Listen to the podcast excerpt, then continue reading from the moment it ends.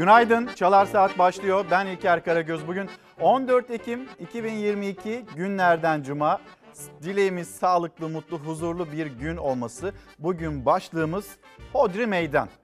Bu başlığı niçin seçtik? Hangi haber ve e, ortaya çıkan hangi bilgi sonrasında yine yaşanılan tartışmalar, polemikler birazdan izleyeceksiniz. Bu başlık altında konuşmak istiyoruz sizlerle. Gazetelere bakacağız. Yeni günün gazeteleri bize nasıl haber yapmamız gerektiğini anlatan o kadar güzel bir örnek var ki bir gazete birazdan oradan okuyacağız.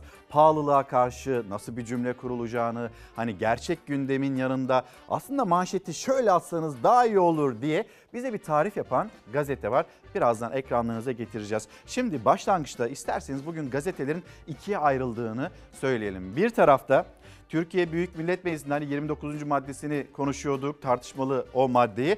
Onu geride bıraktık. Artık o düzenleme, sansür yasası Türkiye Büyük Millet Meclisi'nde AK Parti ve Milliyetçi Hareket Partisi'nin oylarıyla kabul edildi. Milliyetçi Hareket Partisi, AK Parti'nin bile tereddütleri vardı 29. maddeyle ilgili. Milliyetçi Hareket Partisi noktasına virgülüne dokundurtmayız dedi. Bu tavırdan sonra herhalde artık Anayasa Mahkemesi çözdü, çözsün mü dedi ne diye düşündü AK Parti. Türkiye Büyük Millet Meclisi'nden geçti ve sonrasında işte gazeteler manşetleri ana gündem manşet olarak neler çıktı karşımıza ikiye ayrıldı demiştik. Şimdi ilki kahrolsun istibdat yaşasın hürriyet. Peki bazı gazeteler neyi önceledi? Cumhurbaşkanı Erdoğan ve Putin'in buluşmasını, görüşmesini gazda fiyatı biz belirleyelim. İki ayrı manşet, iki ayrı başlıkla karşı karşıyayız. Yani eller sansüre kalktı diyor gazete pencere. Akşam gazetesi enerjide dev ortaklık. Ya da bir gün gazetesi susmayacağız, susturamayacaksınız diyor.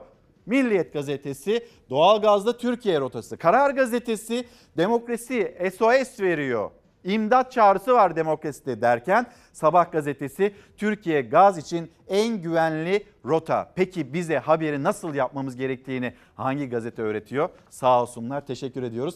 Yeni Şafak gazetesi birazdan o haberlere bakacağız. Yani nasıl olursa sansüre takılmayız. Bununla ilgili bir ipucu mudur diye düşünmeden de edemiyoruz. Sonra yine gazeteler ikiye ayrılıyor. Şöyle o da Hani ana manşetler farklı bir de yan manşet var o da ekonomi. Bir tarafta geçim ve pahalılık gazetelerde bazı gazetelerde diğerlerinde ise ya bununla ilgili cümle kurulmamış ya da bir bahar havası şeklinde haberler paylaşılıyor.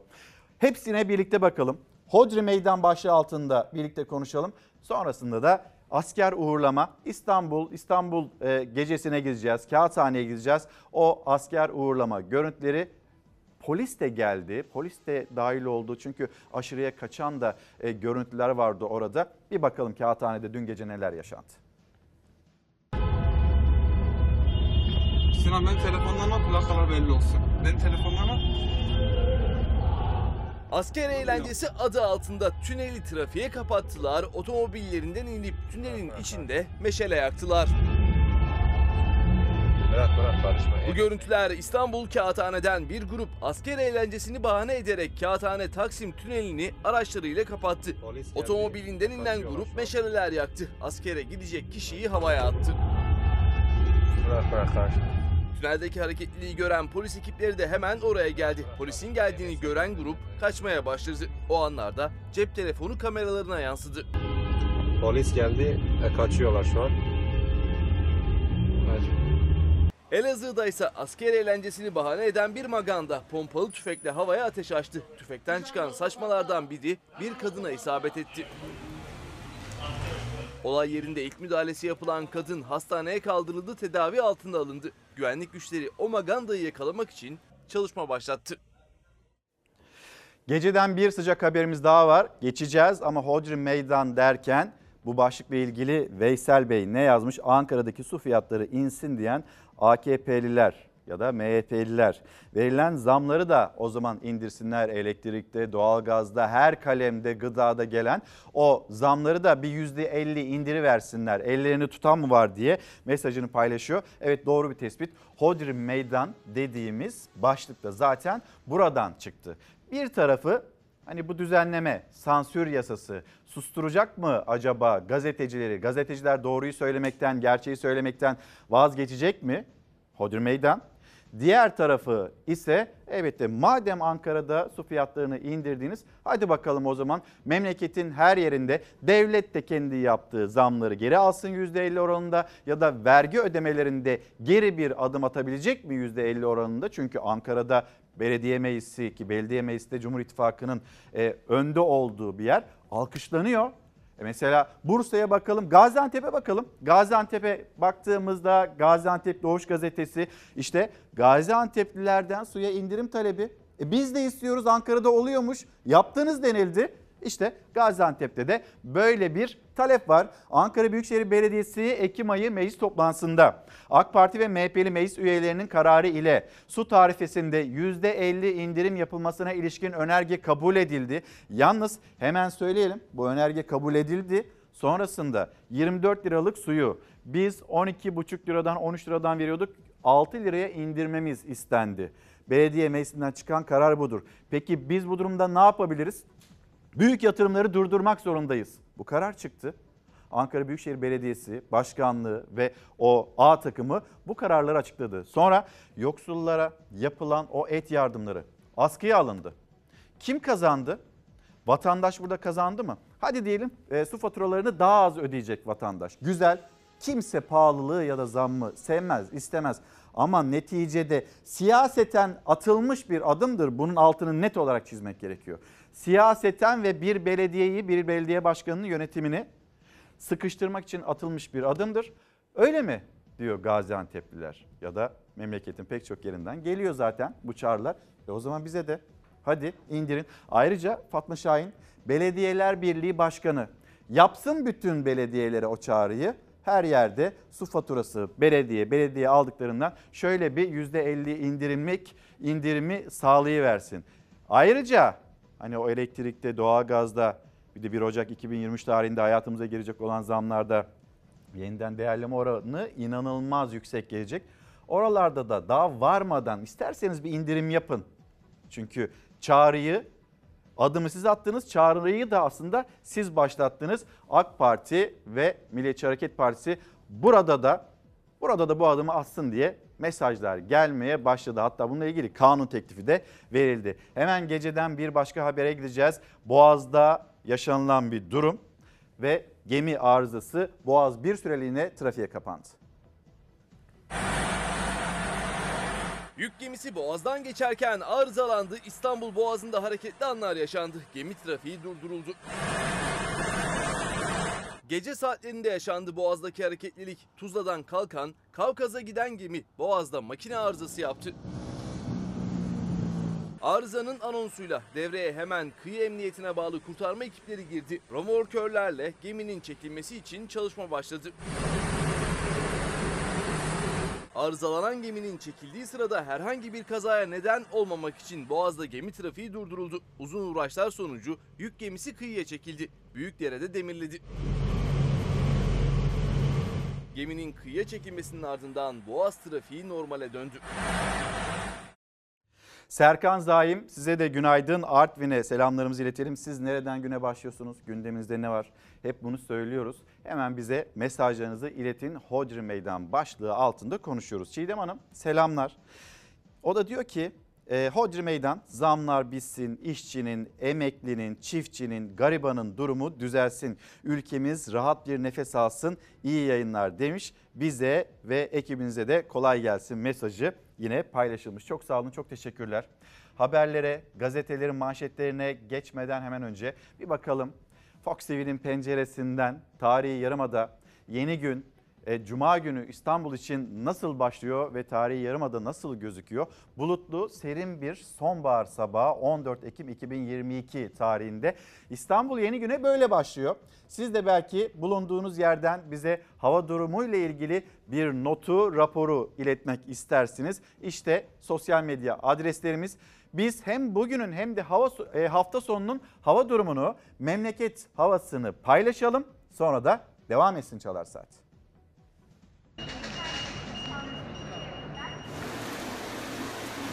Bugün batıda zamanla hava kapatacak, yağmur başlayacak. Doğuda dünden kalma yağışlar sürecek. Gece Marmara ve Batı Karadeniz'le Eskişehir, Ankara çevrelerinde kuvvetli sağanak yağış görülebilir.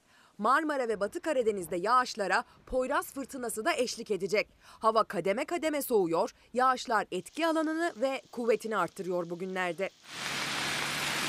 Bugüne başlarken batıda yağış yok denecek kadar az. Günün ilerleyen saatlerinde Marmara, Ege ve Akdeniz bölgelerinde bulutlar gitgide artacak, yağmur geçişleri başlayacak. Bugün öğle saatlerinden itibaren Ege bölgesi, İç Anadolu bölgesinde Eskişehir, Ankara, Konya çevreleri yağış almaya başlıyor. Akdeniz bölgesinde de giderek bulutlanma artıyor, yağmur geçişleri kendini gösteriyor. Marmara bölgesinde ise yağışın etkisini göstermesi bugün akşam saatlerini bulacağı benziyor. Cuma'dan cumartesiye geçerken yağışlar kuvvetlenecek. Bu gece ve cumartesinin ilk saatlerinde Marmara bölgesinde kuvvetli sağanak yağışa karşı hazırlıklı olunmalı. Marmara bölgesi beraberinde Eskişehir, Bilecik, Kütahya çevreleri de kuvvetli sağanak yağışla tahribat alabilir. Batı Karadeniz'de de Marmara'nın doğu illerinde de sağanaklar sel, su baskını, taşkın riski taşıyacak bu akşamdan itibaren. Cumartesi günü yağışlar yine kuvvetli. Marmara ve Batı Karadeniz'de tedbir elden bırakılmamalı. Megakent İstanbul ve pek çok şehrin altyapısı cuma gecesi ve cumartesi yağışlarıyla sınav vereceğe benziyor. Doğu Karadeniz bölgesi cumartesi iç ve kıyı kesimleriyle sağanak yağmur almaya devam edecek. Akdeniz bölgesinde yağış geçişleri başta Antalya ve Adana olmak üzere kıyı illerde aralıklarla kuvvetini arttıracak. Cumartesi akşam saatlerine kadar yağışlar kuvvetini yitireceğe benziyor. Sadece Akdeniz bölgesinde kuvvetli sağanak yağış ihtimali sürecek. Hatta cumartesiden pazara Akdeniz bölgesinde kıyı illerde risk artıyor. Pazar günü Akdeniz'de deniz üzerinde kuvvetli sağanak yağış ve hortum riski var. Bölgenin kıyı illerinde kuvvetli sağanak yağış pazar gün boyunca risk oluşturacak. Başta Antalya ile Isparta Burdur çevreleri olmak üzere yurdun güney hattında pazar günü sel su baskını taşkın ve fırtınaya bağlı uçma kopma riski yüksek. Ege ve Marmara bölgelerinde ise cumartesiden pazara yağış hafifliyor. En batıda güneş de görülmeye başlayacak. Marmara bölgesinin sadece doğu illerinde sürecek yağış pazar günü. İstanbul'da yağış ihtimali azalarak devam edecek. Ege'de ise iç kesimlerde hava yağışlı pazar. Ancak hafta sonu hava soğuk seyredecek. Az da olsa görülmeye başlayan güneş aldatıcı olabilir pazar. Hafta sonu boyunca Marmara, Batı Karadeniz, İç Ege ile birlikte Orta Anadolu üşüyor. Şimdi sosyal medyaya düzenleme deniliyor. Bir düzenleme getirileceği söyleniyor. Hani yalan bilginin yayılmasının önüne geçilmesi için. Sonra düzenlemenin adı da dezenformasyonla mücadele şeklinde söylendi. Ama 29. madde neyin ne olduğunu çok net bir şekilde bizlere anlatıyor. Sadece sosyal medya değil aynı zamanda haberle ilgili de bir düzenleme ya da kim karar verecek? Doğru bir haberin doğru olduğuna, yanlış olduğuna, yalan olduğuna, gerçek olduğuna kim karar verecek? Buranın otoritesi kim? Bu tartışma daha çok devam edecek ve biz bugün bununla ilgili bir de hukuki açıdan, yargısal açıdan bir görüş alacağız. Çalar Saat'te konuğumuz olacak. Yalnız isterseniz yavaş yavaş da bir geçiş yapalım gazetelerimize. İlk gazete Cumhuriyet Gazetesi. Kahrolsun istibdat, yaşasın hürriyet. Ülkeyi susturacak sansür yasasının kritik maddesi muhalefete karşın AKP, MHP oylarıyla kabul edildi. Orman katliamı, çocuk tecavüzleri, tarikat yurtlarındaki intiharlar, sarayın günlük harcamaları, gerçek enflasyon rakamları gibi konuların duyulmasını istemeyen iktidar, dezenformasyonu engellemek bahanesiyle sansür yasasında yer alan bir yıldan 3 yıla kadar hapis cezasını öngören kritik maddeyi meclisten geçirdi. E sonra zaten gece elbette baskıya yetişmemiştir. Gece ne oldu? Gece o düzenlemenin hepsi yasanın tamamı genel kuruldan geçti. AKP geçen hafta kamuoyunda oluşan cezasızlık algısını gidermek amacıyla yeni infaz düzenlemesi yapılacağını duyurmuştu. İki yılın altındaki bazı suçları ceza ertelemesi kapsamından çıkarmaya hazırlanan iktidar belli bir süre hapis ve ev hapsi planlıyor. Bu uygulama dezenformasyon yasasını da kapsayacak. Peki bu yasa ne zaman yürürlüğe girecek ve bir kez daha bir haberin doğru olduğunu, doğru olmadığını kim tespit edecek? Burada muğlak bir durum var. Yargının da yükünü arttırırsınız denildi. Komisyon aşamasında Yargıtay'dan bilir kişi olarak bir hakim geldi olmaz dedi. Doğru değil dedi. O hakim hızlıca gönderildi komisyondan. Hızlıca. Ne diyorsunuz? Biz getiriyoruz bunu. Nereden çıktı? Nasıl olmazmış? E bizim üstünlüğümüz var. Elimizi kaldırdığımızda olmayacak mı? Bakalım Anayasa Mahkemesi ne söyleyecek? AKP içinde de rahatsızlık var. Hemen bir bakalım. CHP'li Engin Altay sansür teklifine ilişkin AK Parti içinde bu yasanın ülkeye yakışmayacağını gören siyasetçiler var. Anlıyoruz ki Erdoğan yolsuzluğu, yoksulluğu bitireceğiz derken bu yasayı söylemiş diye konuştu. CHP'li Özkansa tarih bunu yazdı dedi. CHP AYM'ye gitmeye hazırlanıyor. Tarih bunu yazarken bir fotoğraf var. Savaş yönetmenimizden ben bir rica edeyim. Bakın bir fotoğraf var. O fotoğrafta çok konuşuluyor. İşte AKP ve MHP'liler muhalefetin itirazlarına gülerek yanıt verdi. Yani bu düzenlemeyi oylarken ve onaylarken nasıl ya bilirkişi, hakim, burada görüş nereden çıkıyor? Biz elimizi kaldırdığımızda bu yasayı Türkiye Büyük Millet Meclisi'nden geçiririz anlayışı. AK Parti içinde bir çatlak var mı yok mu? Bizim bir tespitimiz var. İki gazeteden. Haberimizi izleyelim. Sonra birlikte konuşalım. Acaba öyle midir değil midir?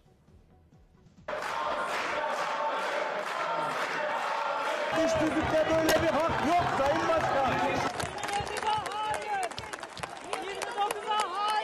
Kabul edenler, kabul etmeyenler 29. madde kabul edilmiştir. Yanıltıcı, gerçeğe aykırı bilgiyi alenen yaymak tanımıyla sosyal medya paylaşımında bulunanlara 3 yıla kadar hapis cezası getiren tartışmalı 29. madde dahil tüm yasa meclisten geçti. Yüksek Mahkeme'ye götüreceğiz. Bu maddeyi iptal edecektir. Anayasa Mahkemesi'nde siyasi çoğunluğun olmadığını düşünüyorum. Bu telefonlarınızı artık bu şekilde kırıp atabilirsiniz genç kardeşlerim. Gergin geçen sansür yasasının görüşmelerinde CHP milletvekili Burak Erbay çekiçle cep telefonunu kırdı. Yasanın sosyal medya paylaşımlarını kısıtlayacağını vurgulayarak. Tek özgürlüğünüz var cebinizdeki telefonlar. Bu telefonlarınızı artık bu şekilde kırıp atabilirsiniz genç kardeşlerim. Kullanmanıza gerek kalmayacak. AK Parti ve MHP'nin meclise getirdiği sansür yasasının en çok tartışılan 29. maddesi. O maddeye göre yapılan bir haber ya da sosyal medyada paylaşılan bir bilgiyi yaymak suç sayılabilecek. Suç işlediği iddia edilen kişi ya da gazeteci tutuklu yargılanarak 3 yıla kadar hapis cezası alabilecek. Bu kanunun çıkmaması için hiç şüphesiz biz de elimizden geleni yapacağız. Bu konuşmadan sonra biz grup olarak bu kanunu bitirene kadar çalışacağız Sayın Başkan. Muhalefet haftalardır Cumhur İttifakı ile bir uzlaşı arıyor. 29. maddeyle getirilen hapis cezasının 3 yıldan 2 yıla düşürülmesi için. Çünkü 2 yıla kadar olan cezalarda tutuklu yargılama yok. Ancak AK Parti'de MHP'de düzenlemeden geri adım atmıyor. Türk demokrasisine bu 29. maddeyle sürülecek leke bizi dünyaya da rezil edecek bir lekedir. 29. maddenin görüşmeleri başlamadan önce muhalefetin protestosu başladı. Alkışlarla, sloganlarla.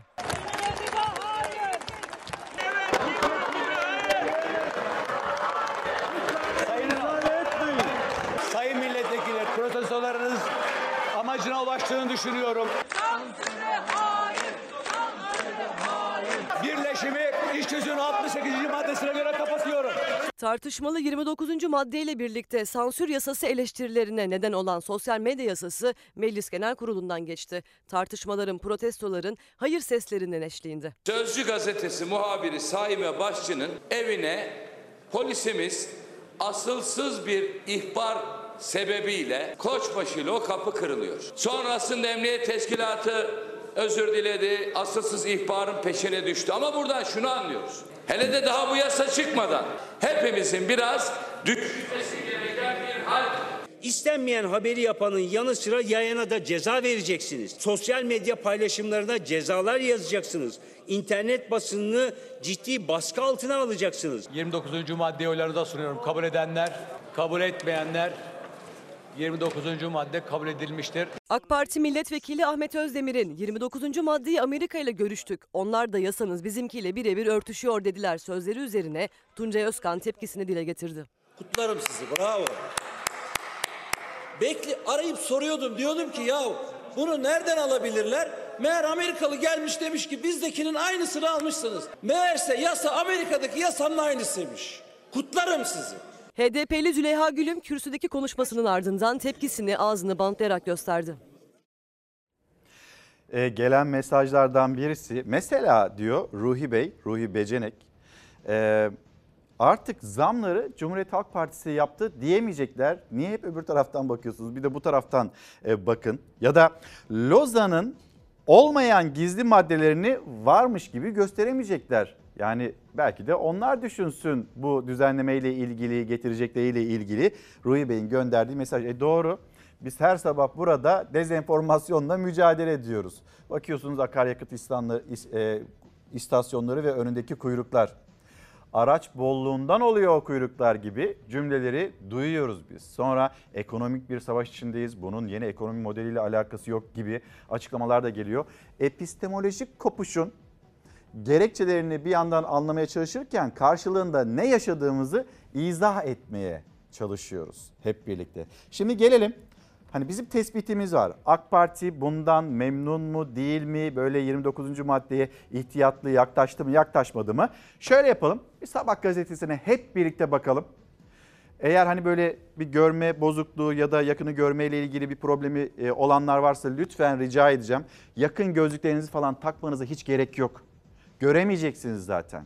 Yani arayacaksınız, arayacaksınız, bulmakta zorluk çekeceksiniz. Gelin Sabah gazetesine, büyütelim Sabah gazetesini. İşte Türkiye gaz için en güvenilir rota. Ah be doktor içimizi yaktın. Evet bu haber içimizi yaktı. Sağlık Bakanı'nın da bir açıklaması var. Onu da konuşacağız. Bakın şimdi burada dezenformasyon yasası mecliste konuşuluyor. Bütün herkes bunu konuşuyor. Siyaset konuşuyor, medya konuşuyor. Yani medya konuşuyor derken medyanın e, bir kısmı konuşuyor maalesef. Nerede o haber? Burada. Ararsanız buluyorsunuz işte. Tam burada. 14. sayfaya da giderseniz eh, belki bulursunuz. Yani şu mu acaba? AK Parti bu dezenformasyonla ilgili düzenlemeye özellikle 29. maddeye ihtiyatlı yaklaştı. Manşeti de büyütmedi. Çünkü daha önceki yıllarda ne olaylar ne manşetler. O manşetlerin hepsi karşısına çıktı. O manşeti atanların karşısına çıktı. Neler söylendi Birleşik Arap Emirlikleri'ne geleceğiz. O gazeteye de geleceğiz. Şimdi Akşam gazetesine bakalım. Akşam gazetesinde bu haber nerede ne kadar yer almış? Enerjide dev ortaklık. Cumhurbaşkanı ve Putin arasındaki o görüşme, buluşma. EYT ve asgari ücret memnun edecek. Acaba nasıl olacak? Ee, ne çıkacak EYT'de formül? Asgari ücretinde memnun olacağını söyledi Çalışma Bakanı. Biraz daha detaylandırmak istediğinizde Çalışma Bakanı yanıt vermiyor ya da korumalarını aşıp yanıt veremiyorsunuz. Ya da bir açıklama yapmak istemiyor ama memnun edecek. Bilmiyoruz şimdi ne olduğunu. Gelelim. Yalan bilgiyi yayana 3 yıl hapis cezası. Bu kadar konuşulan bir konu akşam gazetesinde neredeyse görülmeyecekmiş. Gazetenin eteğinden aşağı doğru da düşecekmiş. Ama sağ olsun Yeni Şafak gazetesi yeni dönemin haberlerinin nasıl olması gerektiğini bizlere anlatıyor. Bir kılavuzluk yapıyor. Aman başınıza bir iş gelmesin. Bakın 29. madde de çıktı. Bir yıldan 3 yıla kadar hapis cezası. Bakın haberleri şöyle yaparsanız daha iyi olur. Bir tarif. Hadi bakalım Yeni Şafak gazetesine neydi Yeni Şafak neler söylemişti ne manşetler atmıştı değil mi? Birleşik Arap Emirlikleri ile ilgili. Hani biz söylemeyelim onu burada. Sonra orada da küçücük gördü. Böyle yavaş yavaş eksiltti. Şimdi hiç konuşulmuyor. Gazın fiyatı da Türkiye'de belirlensin. Putin'den yeni teklif. Sonra bu düzenleme ile ilgili anayasa taslağı hazır. Adalet Bakanı Bekir Bozdağ başörtüsüne güvence getirecek e, anayasa taslağının bugün Cumhurbaşkanı Erdoğan'a sunulacak. Hani böyle bir beklenti var. Gelelim Kürsüde çekişli şova tepki yağdı. CHP'li Burak Erbay mecliste dezenformasyonla mücadele yasası görüşürken e, çekişle kürsüye çıkarak cep telefonunu kırdı. Bunun üzerinden gidelim. Meclis Genel Kurulu'na çekiş nasıl girer? Gerçekten Meclis Genel Kurulu'na çekiş nasıl girer? Bunu konuşalım. Bu doğru değil. Yalnız mesele sadece çekiç mi? Bu düzenlemenin tamamı değil mi? Bakın haberi şöyle yaparsanız nefis oluyor. Şeker bayramı. şekere gelen %8'lik zammı haber yapmayıp da böyle hasat zamanı, çiftçinin heyecanı böyle haberler yapılınca daha keyifli oluyor. Çiftçilerin şeker pancarı sökümü mesaisi başladı. Geçen yıl kuraklık nedeniyle hasat 18 milyon tondu. Bu yıl 20 milyon ton gibi yüksek bir verim beklendiği için yüzler gülüyor. Çiftçinin yüzü gülüyor. Mazot nedeniyle ya da girdiler nedeniyle mağduriyet yaşayan çiftçimiz yok. Manşetler böyle olunca hiçbir sıkıntıyı yaşamazsınız. Ama o zaman çiftçinin sorununu doğru söylemiş oluyor musunuz? Gelelim bir haber daha. Resesyon konuşulmayan tek ülke Türkiye. Hem yüksek enflasyon hem ekonomik durgunluk, resesyon. Biz bunu yaşadığımız için artık konuşmaya gerek kalmamış olabilir mi? Bir soru. Resesyon konuşulmayan tek ülke Türkiye. Pahalılık, yüksek enflasyon yok mu ülkemizde? Ekonominin çarkları harika, nefis bir şekilde dönüyor mu? Yasa yürürlüğe girdiğinden itibaren biz bunu ne kadar konuşacağız bilmiyoruz. Örnekleriyle anlatmak istedik ve bizim karşımızda bir örnek var. Teşekkür ediyoruz Yeni Şafak gazetesine. Haberleri böyle yaparsanız başınız ağrımaz. Tamam o manşete dönelim o zaman. Gazın fiyatı da Türkiye'de belirlensin. Yeni Şafak gazetesinin manşeti, Sabah'ın, Milliyet'in o gazetelerin manşeti ve Cumhurbaşkanı Erdoğan'ın Putin'le buluşması gaz konusu. Erdoğan Putin zirvesine enerji mesajları damgasını vurdu. Rus lider Avrupa'ya enerji tedariki için Türkiye'de bir merkez kurma teklifini iletti. Cumhurbaşkanı Erdoğan Sinop ve Akkuyu vurgusu yaptı.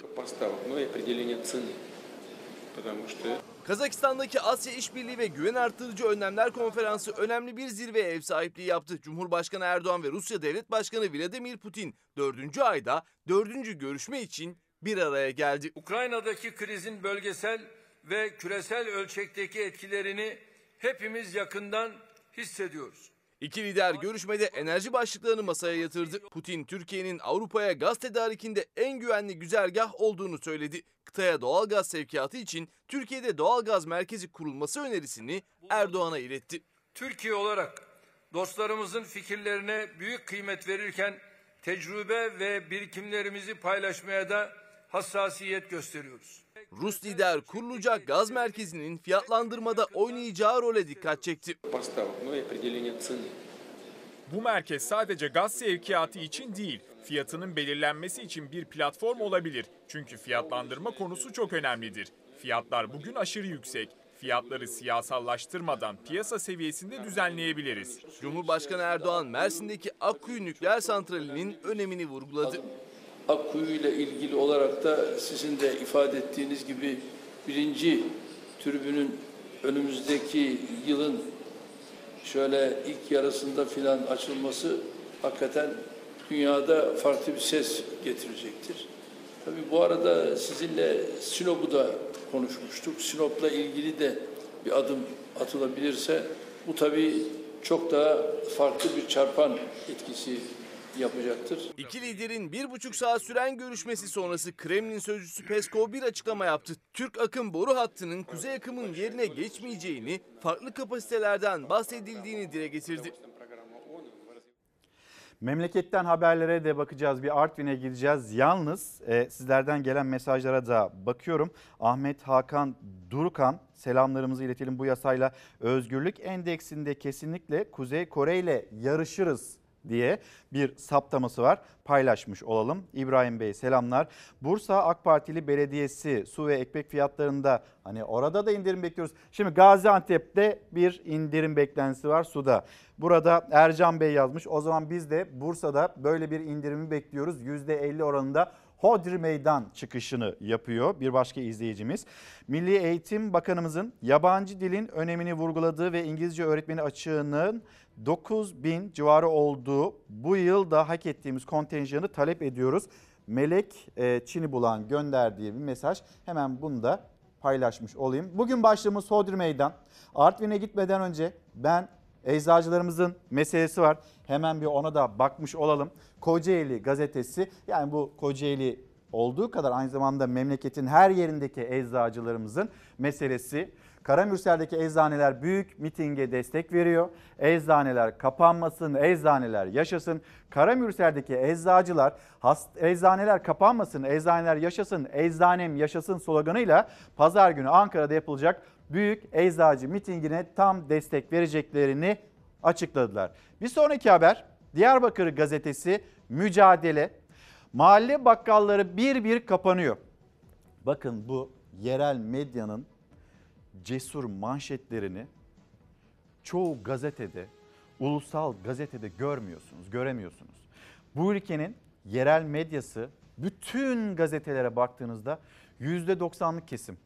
Peki böyle tirajdan, gelirlerden elde edilen gelir hani bu gazetelere, yerel medyaya yansıyan nedir derseniz %12, %13, %17 arasında böyle bir tablo var. Bu cesaret yerel medyada, ulusal medyada biz reklamlarımızı alalım. Bayram havası, çiftçi nefis, haberi böyle yapalım. Biz de susmuyoruz. Bizim için de haber var. Bakın resesyon da yok diye haber yapılıyor. Mahalle bakkalları bir bir kapanıyor. Mücadele gazetesinin manşeti. Tekirdağ Devrim gazetesi çocuklar aç, kantinler cep yakıyor. Çorlu genelinde bulunan okul kantinlerindeki yüksek fiyatlar nedeniyle öğrenciler paket servise yönelirken veliler de evlerinden getirdikleri yemekleri çocuklarına yediriyor. Şimdi bu haber doğru mu değil mi? Çocuklarımıza bir öğün anlamında katkı vermemiz gerekir mi gerekmez mi? Sosyal devlet değil miyiz biz? Bununla ilgili, bununla ilgili bir düzenleme yapılsın denildi muhalefetten. İptal edildi. Yok. Gündemini almadı Cumhur İttifakı. AK Parti, MHP oylarıyla. Yine gündeme gelemedi. İşte Devrim Gazetesi manşet bu. Bu haber doğru mu değil mi gidip öğrenmek istiyorsanız hani çocuğunuz olmayabilir, bekar olabilirsiniz. Bir okulun kapısında öyle vakti durun bakalım. Şimdi bu habere yanlış diyebilirler. Bu haberin doğru olmadığını söyleyebilirler. Bir sizin gördüğünüz var, bir sizin yaşadığınız var. Bir TÜİK'in açıkladığı var. Bir de pahalılık var. İşte Korkusuz Gazetesi. Bakalım Korkusuz Gazetesi'ne. İnsaf et. Fahiş et fiyatları dar gelirli e, halkı hayatından bezdirdi. Et reyonunda 1 kilo etin fiyatının 426 liraya satıldığını görenler bu kadarını da pes dedi. Şimdi burada dün bir süt üreticisini, bir çiftçiyi ağırladık. 1 Ocak 2023'ten sonra kilosu 250 liraya siz süt e, peynir bulursanız onun mahiyetine bir bakın. Sağlıklı mı değil mi? Şu anda 150 lira.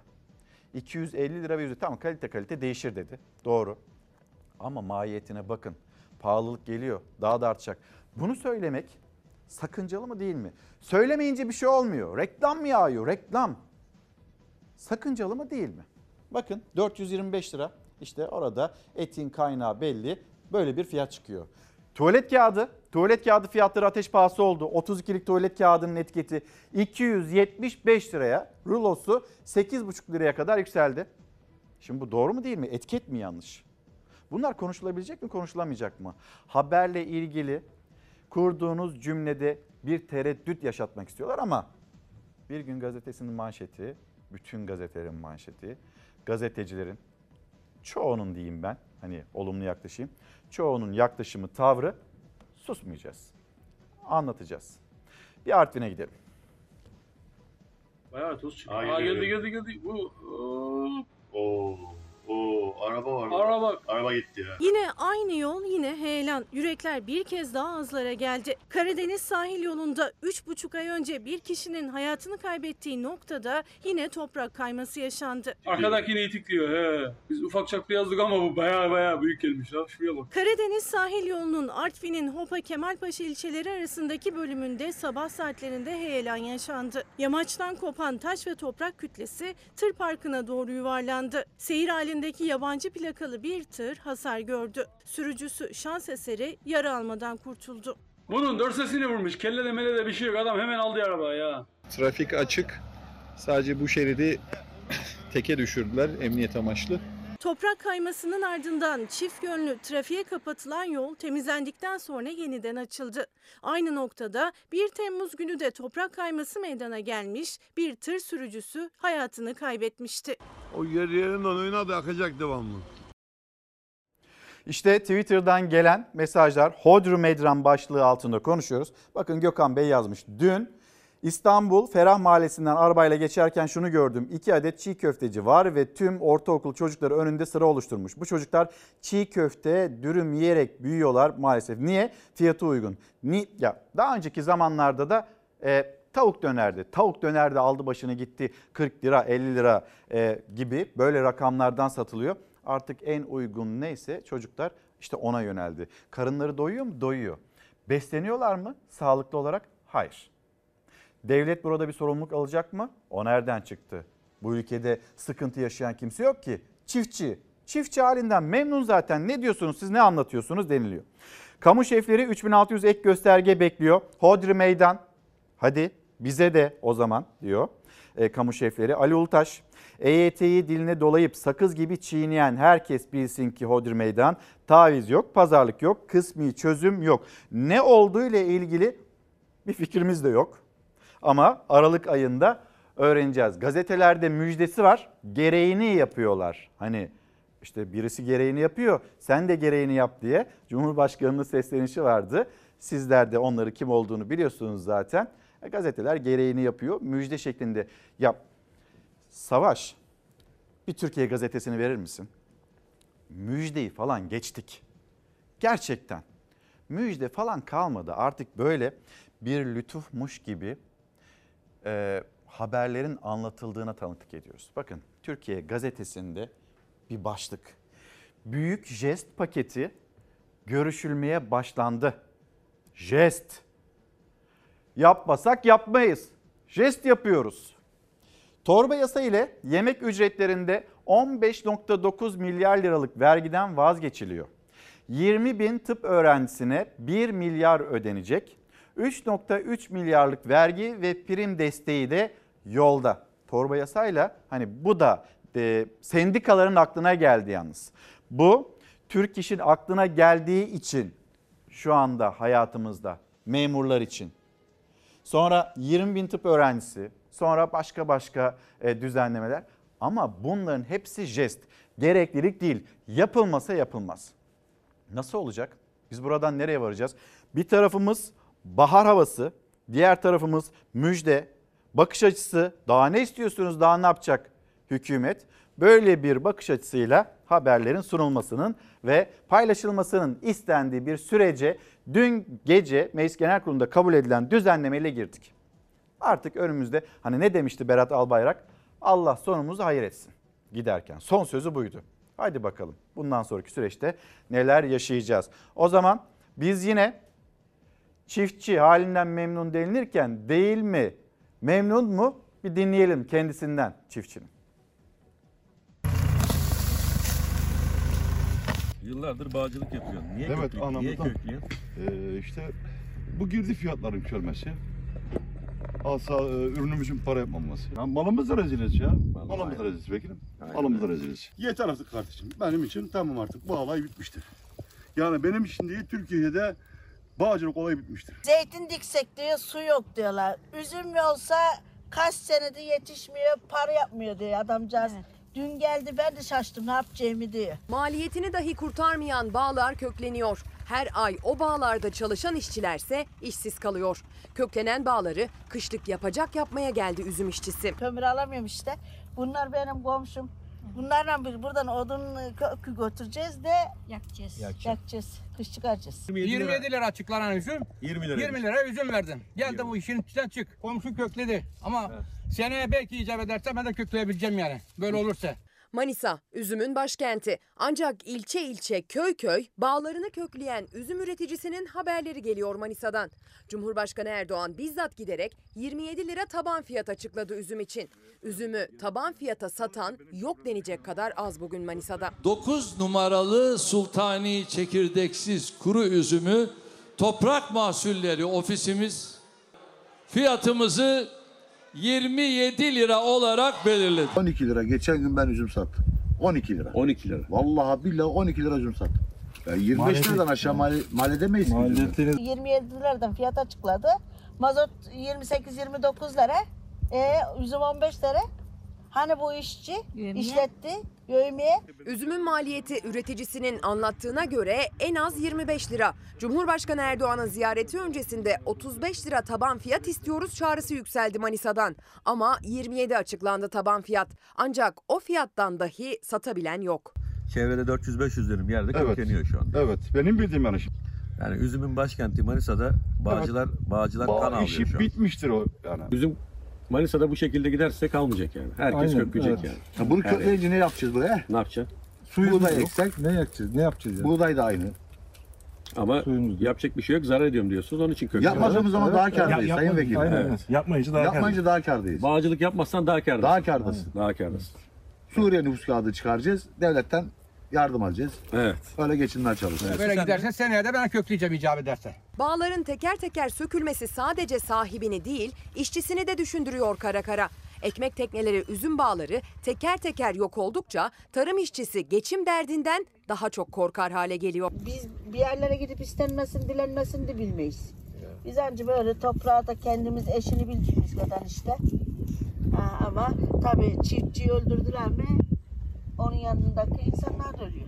Vekilim çaresizliğimiz bizim bu yani. Şimdi bunu kökleyip de yani bir elimizde garanti bir ne ekeceğimizi de bilemiyoruz. Üzüm para yapsa hayatta Evet. köklemezdin Tabii diyorsun canım yani. tabii. Ha, üzümcülük bitecek de bu millet bu tarlalar ne yapacak ne edecek bilmiyorum ben. Yani ne, ne olacak bu toprak? Yine devam edelim. Denizli'nin Güney ilçesi orada mahalleliler evlerinde oturup bir bardak çay içemiyorlar. Şu biyogazdan en mağdur olan kişi biziz. Yakınız, yan yanayız. Yani bütün zararları bizi etkiliyor. Bitkilerimizi etkiliyor. En büyük şeyimiz koku, sinek, toz. Biyogaz tesisi köylüyü, mahalleliyi bezdirdi. Kötü koku, sinekler ve toz yüzünden ne tarım yapabiliyorlar ne de ağız tadıyla bir bardak çay içebiliyorlar. Bu üç köyün vatandaşlar artık evlerinde oturamaz bir bardak çay içemez duruma gelmişler. Geceleri sinekten uyuyamıyorlar, gündüzleri sinekten oturamıyorlar. Bu insanlar ne yapsın? Denizli'nin üzüm bağlarıyla ünlü Güney ilçesinde biyogaz tesisi kurulduğundan bu yana mahalleli dertli. İlçede sürekli kötü bir koku hakim. Sinekten de geçilmiyor. Mahallelinin iddiasına göre sorunun kaynağı tesisin atık havuzları. Hayvansal atıklardan enerji üretmek amacıyla onlarca kuyu açılmış durumda ve hiçbirinin de üstü kapalı değil. Bunların üstü de mi açık? Açık. Açık her taraf açık. Şu evde çardakta oturamıyoruz. Bir kışlık hazırlığımızı yapamıyoruz. Üzümün üzerine kapanmış. Bu üzüm yeniyor. Yiyeceğiz biz bunu. Salça çıkarıyoruz ayna. Üstünü örtmek zorunda kalıyoruz. Bulgur kaynatıyoruz, seriyoruz ayna. Bir bardak çay dahil içemiyoruz. İlçede bağcılık yapan aileler evlerimize sırf bu yüzden misafir bile gelmiyor diyorlar. Üzümü kesmek için işçi de bulamıyorlar. İşçi bulmada zorlanıyoruz. Bura olmaya gelmiyorlar. gelmiyorlar. Üzüm olmaya bura gelmiyorlar. Bura kokuyu diyor. Atık suyu var. Bunu da gübre diye yutturuyorlar. İnsanlara gübre diye yutturuyorlar. Ama gübre tamam olabilir. Yüzde beş gübre şeyi var. Yüzde doksan beşi sinek, asit bağlara yaramıyor. Ben attım. Mezarlık var, mezarlığın olduğu yere kuyu yapıyla bu mezarlık ya mezarlığın içine şey mi yapılıyor? CHP Denizli Milletvekili Gülizar Biçer Karaca da mahalleliyi dinledi. Sağlık Bakanlığı'na firma yetkililerine çağrıda bulundu. Bu havuzların üzeri kapatılmalı. Bu havuzlar denetlenmeli. Bu rezalete bir an önce son verin. Reklamların hemen ardından döneceğiz. Günaydın bir kez daha. Çalar Saat devam ediyor. Başlığımız Hodri Meydan. İlker Karagöz Fox Instagram adresim, Karagoz İlker Twitter adresim. Burada bu ekranda sizin sesiniz var ve sizin sesinizi de yetkililere duyurmaya çalışıyoruz. Ne yaşıyorsanız da zaten onu da aktarıyoruz ve paylaşıyoruz. Şimdi bir gazete pencere diyelim. Gazete pencerenin manşeti eller sansüre kalktı.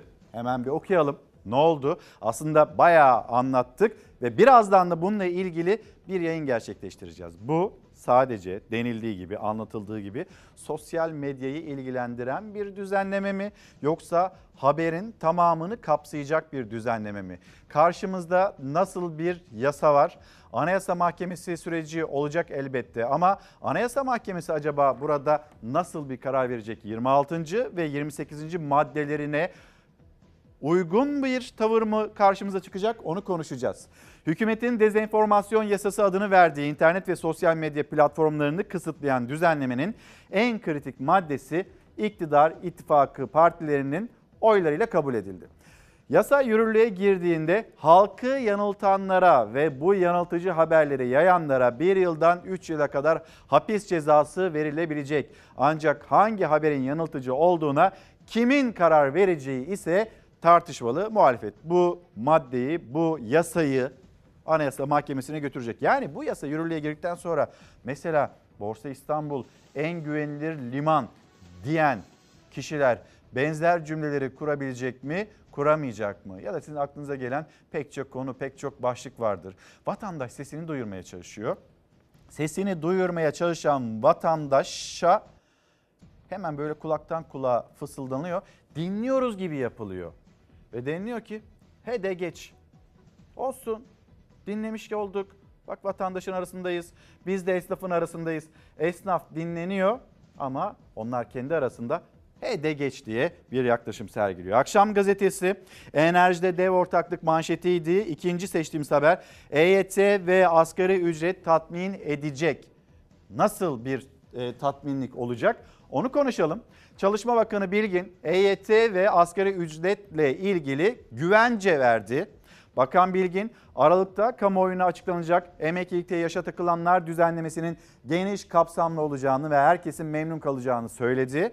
Asgari ücretle ilgili de konuşan Bilgin enflasyonun emekçiler üzerindeki tahribatını ortadan kaldıracağız diye konuştu. Tekrar okuyalım mı burayı? Enflasyonun emekçiler üzerindeki tahribatını yani bu bir kabul. Bu bir itiraf. Emekçiler, işçiler, memurlar herkes üzerinde enflasyon bir tahribat yarattı. Ve biz bunun izlerini sileceğiz. Nasıl? Yıl sonu beklentisi %65. %65'lik bir enflasyon beklentisi iyi midir, kötü müdür? Yani tahribatı ortadan kaldırır mı? Ve asgari ücret, asgari ücret acaba ne olacak?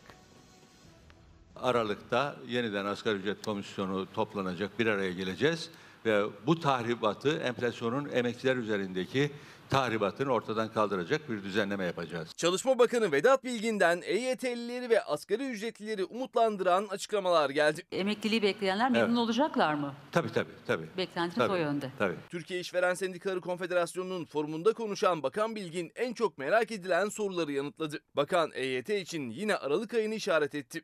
Tahmin ediyorum e, aralığın başında çünkü o çok detaylı bir şey çalışma. E, Orada tek tek e, bir sürü insan var. Onların her birinin özel durumunu araştırıyorsunuz, primlerini inceliyorsunuz. Özellikleri farklı ve e, o özellikleri ve o sorunları bireysel e, sorunları da bir ko- kolektif bir sorunu çözer gibi çözeceğiz. Çalışma Bakanı asgari ücretlileri telaffuz edilen rakamlara itibar etmeyin diyerek uyardı. Bu rakamları ta- telaffuz edenler neye dayanarak telaffuz ediyorlar bilmiyorum. Evet. Hiçbir şeyden de çoğu da a, haberleri yok. Bu süreçlerin nasıl gerçekleştiğini çoğu bilmiyor bu rakamları telaffuz ettiklerine göre. Vedat Bilgin her şey bir gerçeklik temeline oturmalı dedi. Bana sorarsanız ben bireysel olarak asgari ücret 20 bin lira, 25 bin lira da olsun diyebilirim. Ama bunun bir gerçeklik temelinin olması lazım. Yani Türkiye'deki işletmelerin ödeyebileceği bir asgari ücret. Bakan Bilgin sosyal devletiz ve yapmamız gerekeni yapıyoruz ilave bir şey yapıyormuşuz gibi düşünülmesin diye konuştu. 3600 de kamu için yaptık. Şimdi diğer e, özel sektörü de kapsayan EYT ile ilgili düzenleme ve e, ücretlerimizi de e, toplu sözleşmelerle ve e, asgari ücretle rahatlatacak bir sosyal devletin görevi bunlar. Bunları biz e, ilave bir şey yapıyormuşuz gibi düşünmüyorum. Sosyal sorumluluğumuzun bir parçası ve sosyal devletin bize verdiği görevin bir parçası olarak gerçekleştireceğiz. Instagram'dan gelen mesajlar. Bakanlar hep zaten umut veriyor. Zaten Milli Eğitim Bakanı da okullara güvenlik için söz vermişti. Söz veren verene bize sürekli söz veriliyor. Ama neticede bir de isminizi görebilir miyim? Müsaadenizle Hatice Hanım herhalde. Hatice Hanım diye tahmin ediyorum. Ee, Sezer Altu Anayasa madde ve yasalar kabul edilirken neden milletimize sorulmuyor, neden anket yapılmıyor ya da neden referanduma gidilmiyor gibi bir yaklaşım var. Vallahi emeklerimizi göstermiyorlar. Bu konu hakkında da konuşur musunuz? Bakın söylüyorum sesimi duyurur musunuz? Fındık taban fiyatı 54 lira dediler. Bakın güneş doğdu bir hesap. Fındık taban fiyatı 54 lira denildi. En fazla fındık alan tüccar 46 liradan alıyor. Bizim emeklerimizi göstermiyorlar. Mehmet İnan, e, Hacı Mehmet Erdoğan da bizi ve Türkiye'nin gündemini takip alan izleyicilerimiz. Kendilerine de hoş geldin diyelim. Mesajlarınızı okumaya devam edeceğiz. Başlığımızda Hodri Meydan. Şimdi gelelim vergi dilimi. Vergi dilimiyle ilgili çalışanların, işçilerin hatta işverenlerin bir beklentisi var ve orada da e, zamlar bize zam yapıyorsunuz ama o zamlar zaten vergiye gidiyor deniliyor. Vergi dilimiyle ilgili bir düzenleme yapılmayacağını söyleyen isim de kabineden Hazine ve Maliye Bakanı Nurettin Nebati. Olur mu? Dışarıdan göründüğü gibi değil. 200 milyar TL'lik bir bütçeye ek getireceğini söyledi. Ama biz zaman içinde kur korumalı mevduata neler neler verdik. Yani vatandaşın cebinden gitti zengin kazandı, yoksul dar gelirli onlar da ödediği vergilerle, kaynağında kesilen vergilerle, dolaylı vergilerle burada finansmanı sağladı. Bir kere bunu söyleyelim. Sonra bu vergi dilimiyle ilgili şöyle sorularımız var. Mesela hiçbir şeyden faydalanamayan 20 milyon ücretli vergi dilimlerinde hakkı olanı istiyor. Şimdi şöyle denilebilir. Belki önümüzdeki günlerde bir jest yapı veririz. Böyle yaklaşılıyor. Jest deniliyor vatandaşın alın terinin karşılığı bir jestmiş gibi hükümet nezdinde ele alınıyor ve aslında vermeye de bilirdik ama hadi hadi size bir jest yapalım. Neyse sorularımıza devam edelim. Siz hiç maaşı kaynağında kesilen bir ücretlinin vergi affından faydalandığını gördünüz mü? Hiç vergi affından faydalandınız mı? Bir çalışan olarak soruyorum. Şirketiniz yoksa. Hadi devam edelim sorumuza siz hiç maaşı kaynağında kesilen bir ücretlinin eğitim, sağlık, ulaşım gibi bazı harcamalarını giderleştirdiğini gördünüz mü? Ama deniliyor ki yok vatandaşa yük getirir. Onlar istediğini yapıyor. Cebinde parası olanlar istediklerini yapabiliyor ya da gider olarak gösterebiliyor, vergiden düşebiliyor. Çalışanın böyle bir hakkı yok. Dışarıdan göründüğü gibi değil. Vatandaşın durumu da yukarıdan göründüğü gibi değil. Hükümetten göründüğü gibi değil. Epistemolojik o kopuş çoktan yaşandı. Biz de bunu hatırlatalım. Şimdi yerel medyaya yine devam edelim istiyoruz. Eczaneler, eczaneler kapanmayalım diyor. Bir kez daha hemen arkamıza görselini alalım. Kocaeli gazetesi eczaneler kapanmasın, eczaneler yaşasın. Ankara'da pazar günü Ankara'da buluşacaklar seslerini yükseltmek için. Mesleğimize yapılan haksızlıklara dur demek için 16 Ekim pazar günü Ankara'dayız. Yazılı açıklamalar, basın duyurusu, protestolar ne yaptılarsa seslerini duyuramadılar. Eczacılar 16 Ekim'de mitinge hazırlanıyor. Bugünkü koşullarda %100 küsurlardaki enflasyonda eczacıların gerçekten yaşamaları mümkün değil. Artan maliyetler karşısında beli bükülen eczacılar, döviz kuru yüzünden piyasaya verilemeyen ilaçlar, ilacı erişemeyen hastalar sistem kilitlendi. Şu anda sistem tıkandı. Bunun sonuçlarında vatandaş yaşıyor, eczacı yaşıyor. Son dönemlerde sıklıkla yaşanan ve hastalarımızı ciddi şekilde mağdur eden ilaca erişim sorunlarının artık kalıcı bir şekilde çözüme kavuşturulmasını istiyoruz. Bugün hastalarımıza fiyat farkı çıkmayan ilaç neredeyse kalmadı. Artık kar edemeyen eczacılar hem kendi hakları hem de hasta hakları için ses yükseltiyor. Edirne Eczacılar Odası Başkanı Gürkan Kılıççıgil'in verdiği bilgiler yakın gelecekteki tehlikeyi gösteriyor. İçinde bulunduğumuz zorlu koşulları ve yaşadığımız hak kayıplarını bütün ayrıntılarıyla defalarca duyurduk. Sorunlarımıza çözüm bulunmaması halinde ülkemizde faaliyet gösteren her iki eczaneden birinin kapanma noktasına geldiğini defalarca aktardık. 16 Ekim pazar günü düzenlenecek mitingle eczacılar bir kez daha seslerini duyurmak, yaklaşan tehlikeye dur demek için toplanmaya hazırlanıyor. Şeker çubukları var, ölçme çubukları. 40 lira fark alınıyordu bizden. Şimdi 56 liraya çıkmış fark. Haziran'ın 23'ünden bugüne kadar sadece 800 milyon ilaçlara verdim. Türk Eczacılar Birliği Başkanı Arman Üney de cumartesi günü Ezgi Gözeger'le Çalar Saat hafta sonuna konuk olacak. İçinden çıkılması zorlaşan sorunlar detaylı şekilde masaya yatırılacak. Bir gün gazetesinden hep birlikte bir bakalım. Bir fotoğraf var. Türkiye Büyük Millet Meclisi'nden sansür yasası bu düzenleme geçti.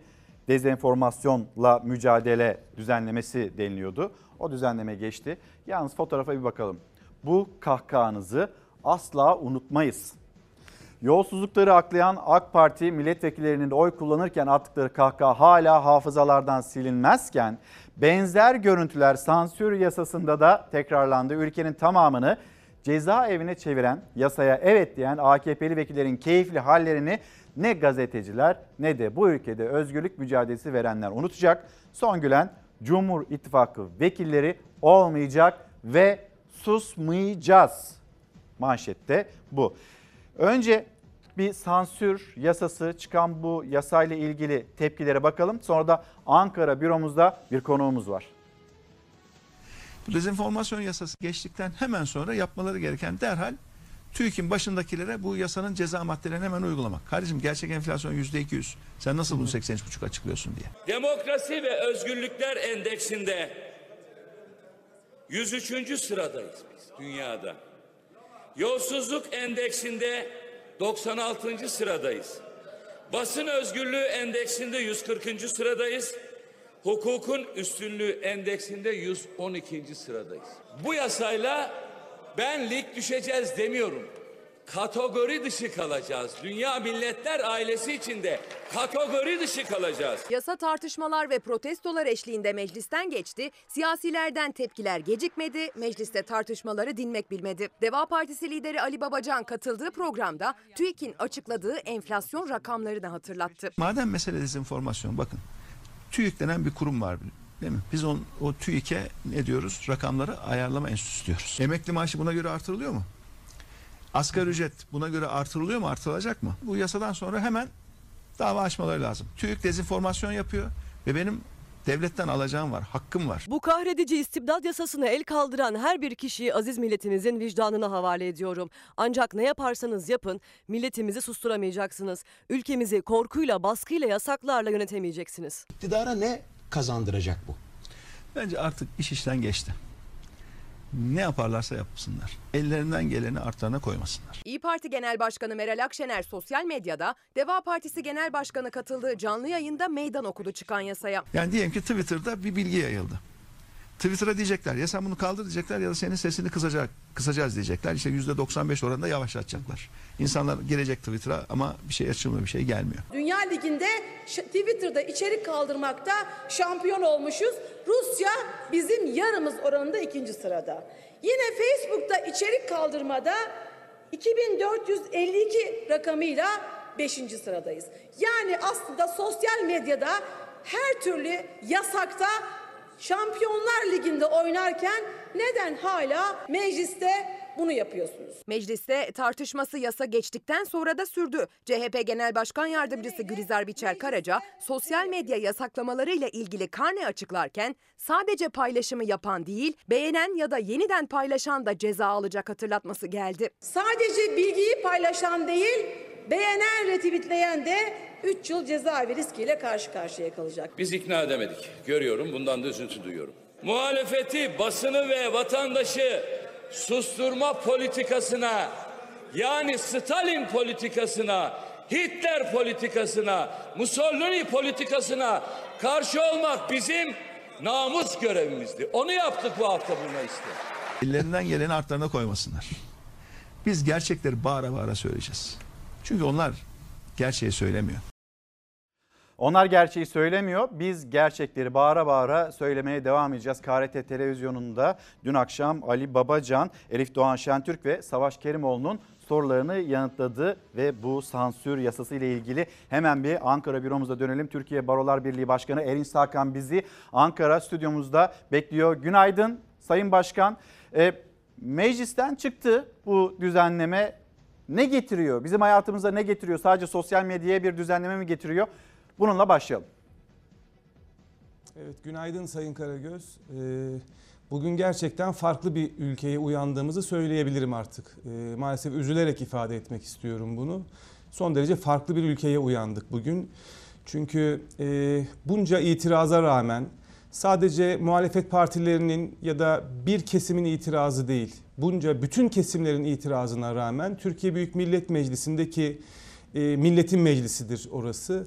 Bu itirazların göz ardı edilmesi tamamen dayatmacı bir e, tavırla e, bu yasanın çıkartılması maalesef çok ağır sonuçları da yanında getirecek.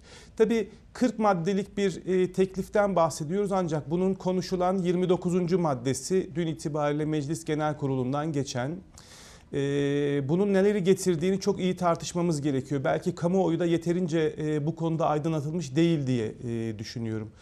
E, halkı yanıltıcı bilgiyi alenen yayma başlığı adı altında Türk Ceza Kanunu'nun 217. maddesine A bendi ile bir yeni bir hüküm, yeni bir suç tipi ihtas e, edildi. Ve e, çok kısaca madde metnini okumam gerekiyor. E, ne olduğunu anlayabilmemiz ve tartışabilmemiz bakımından. Biz de izleyicilerimiz de Sırf dikkatle halk takip arasında- diye hemen arkamıza Evet. e, ve dev ekrana da yansıtalım. Yönetmeninizden ben rica edeyim. Buyurun.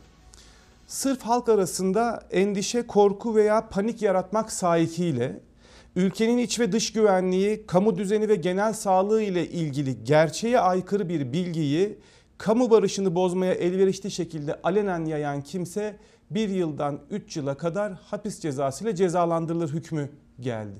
Şimdi alenen yayan kimse dediği için bir e, somutlaştırma yapmadığına göre buradaki bahsedilen unsurdaki fail hepimiz olabiliriz. Bu ülkede yaşayan herkes bu suçun faili olabilir öncelikle.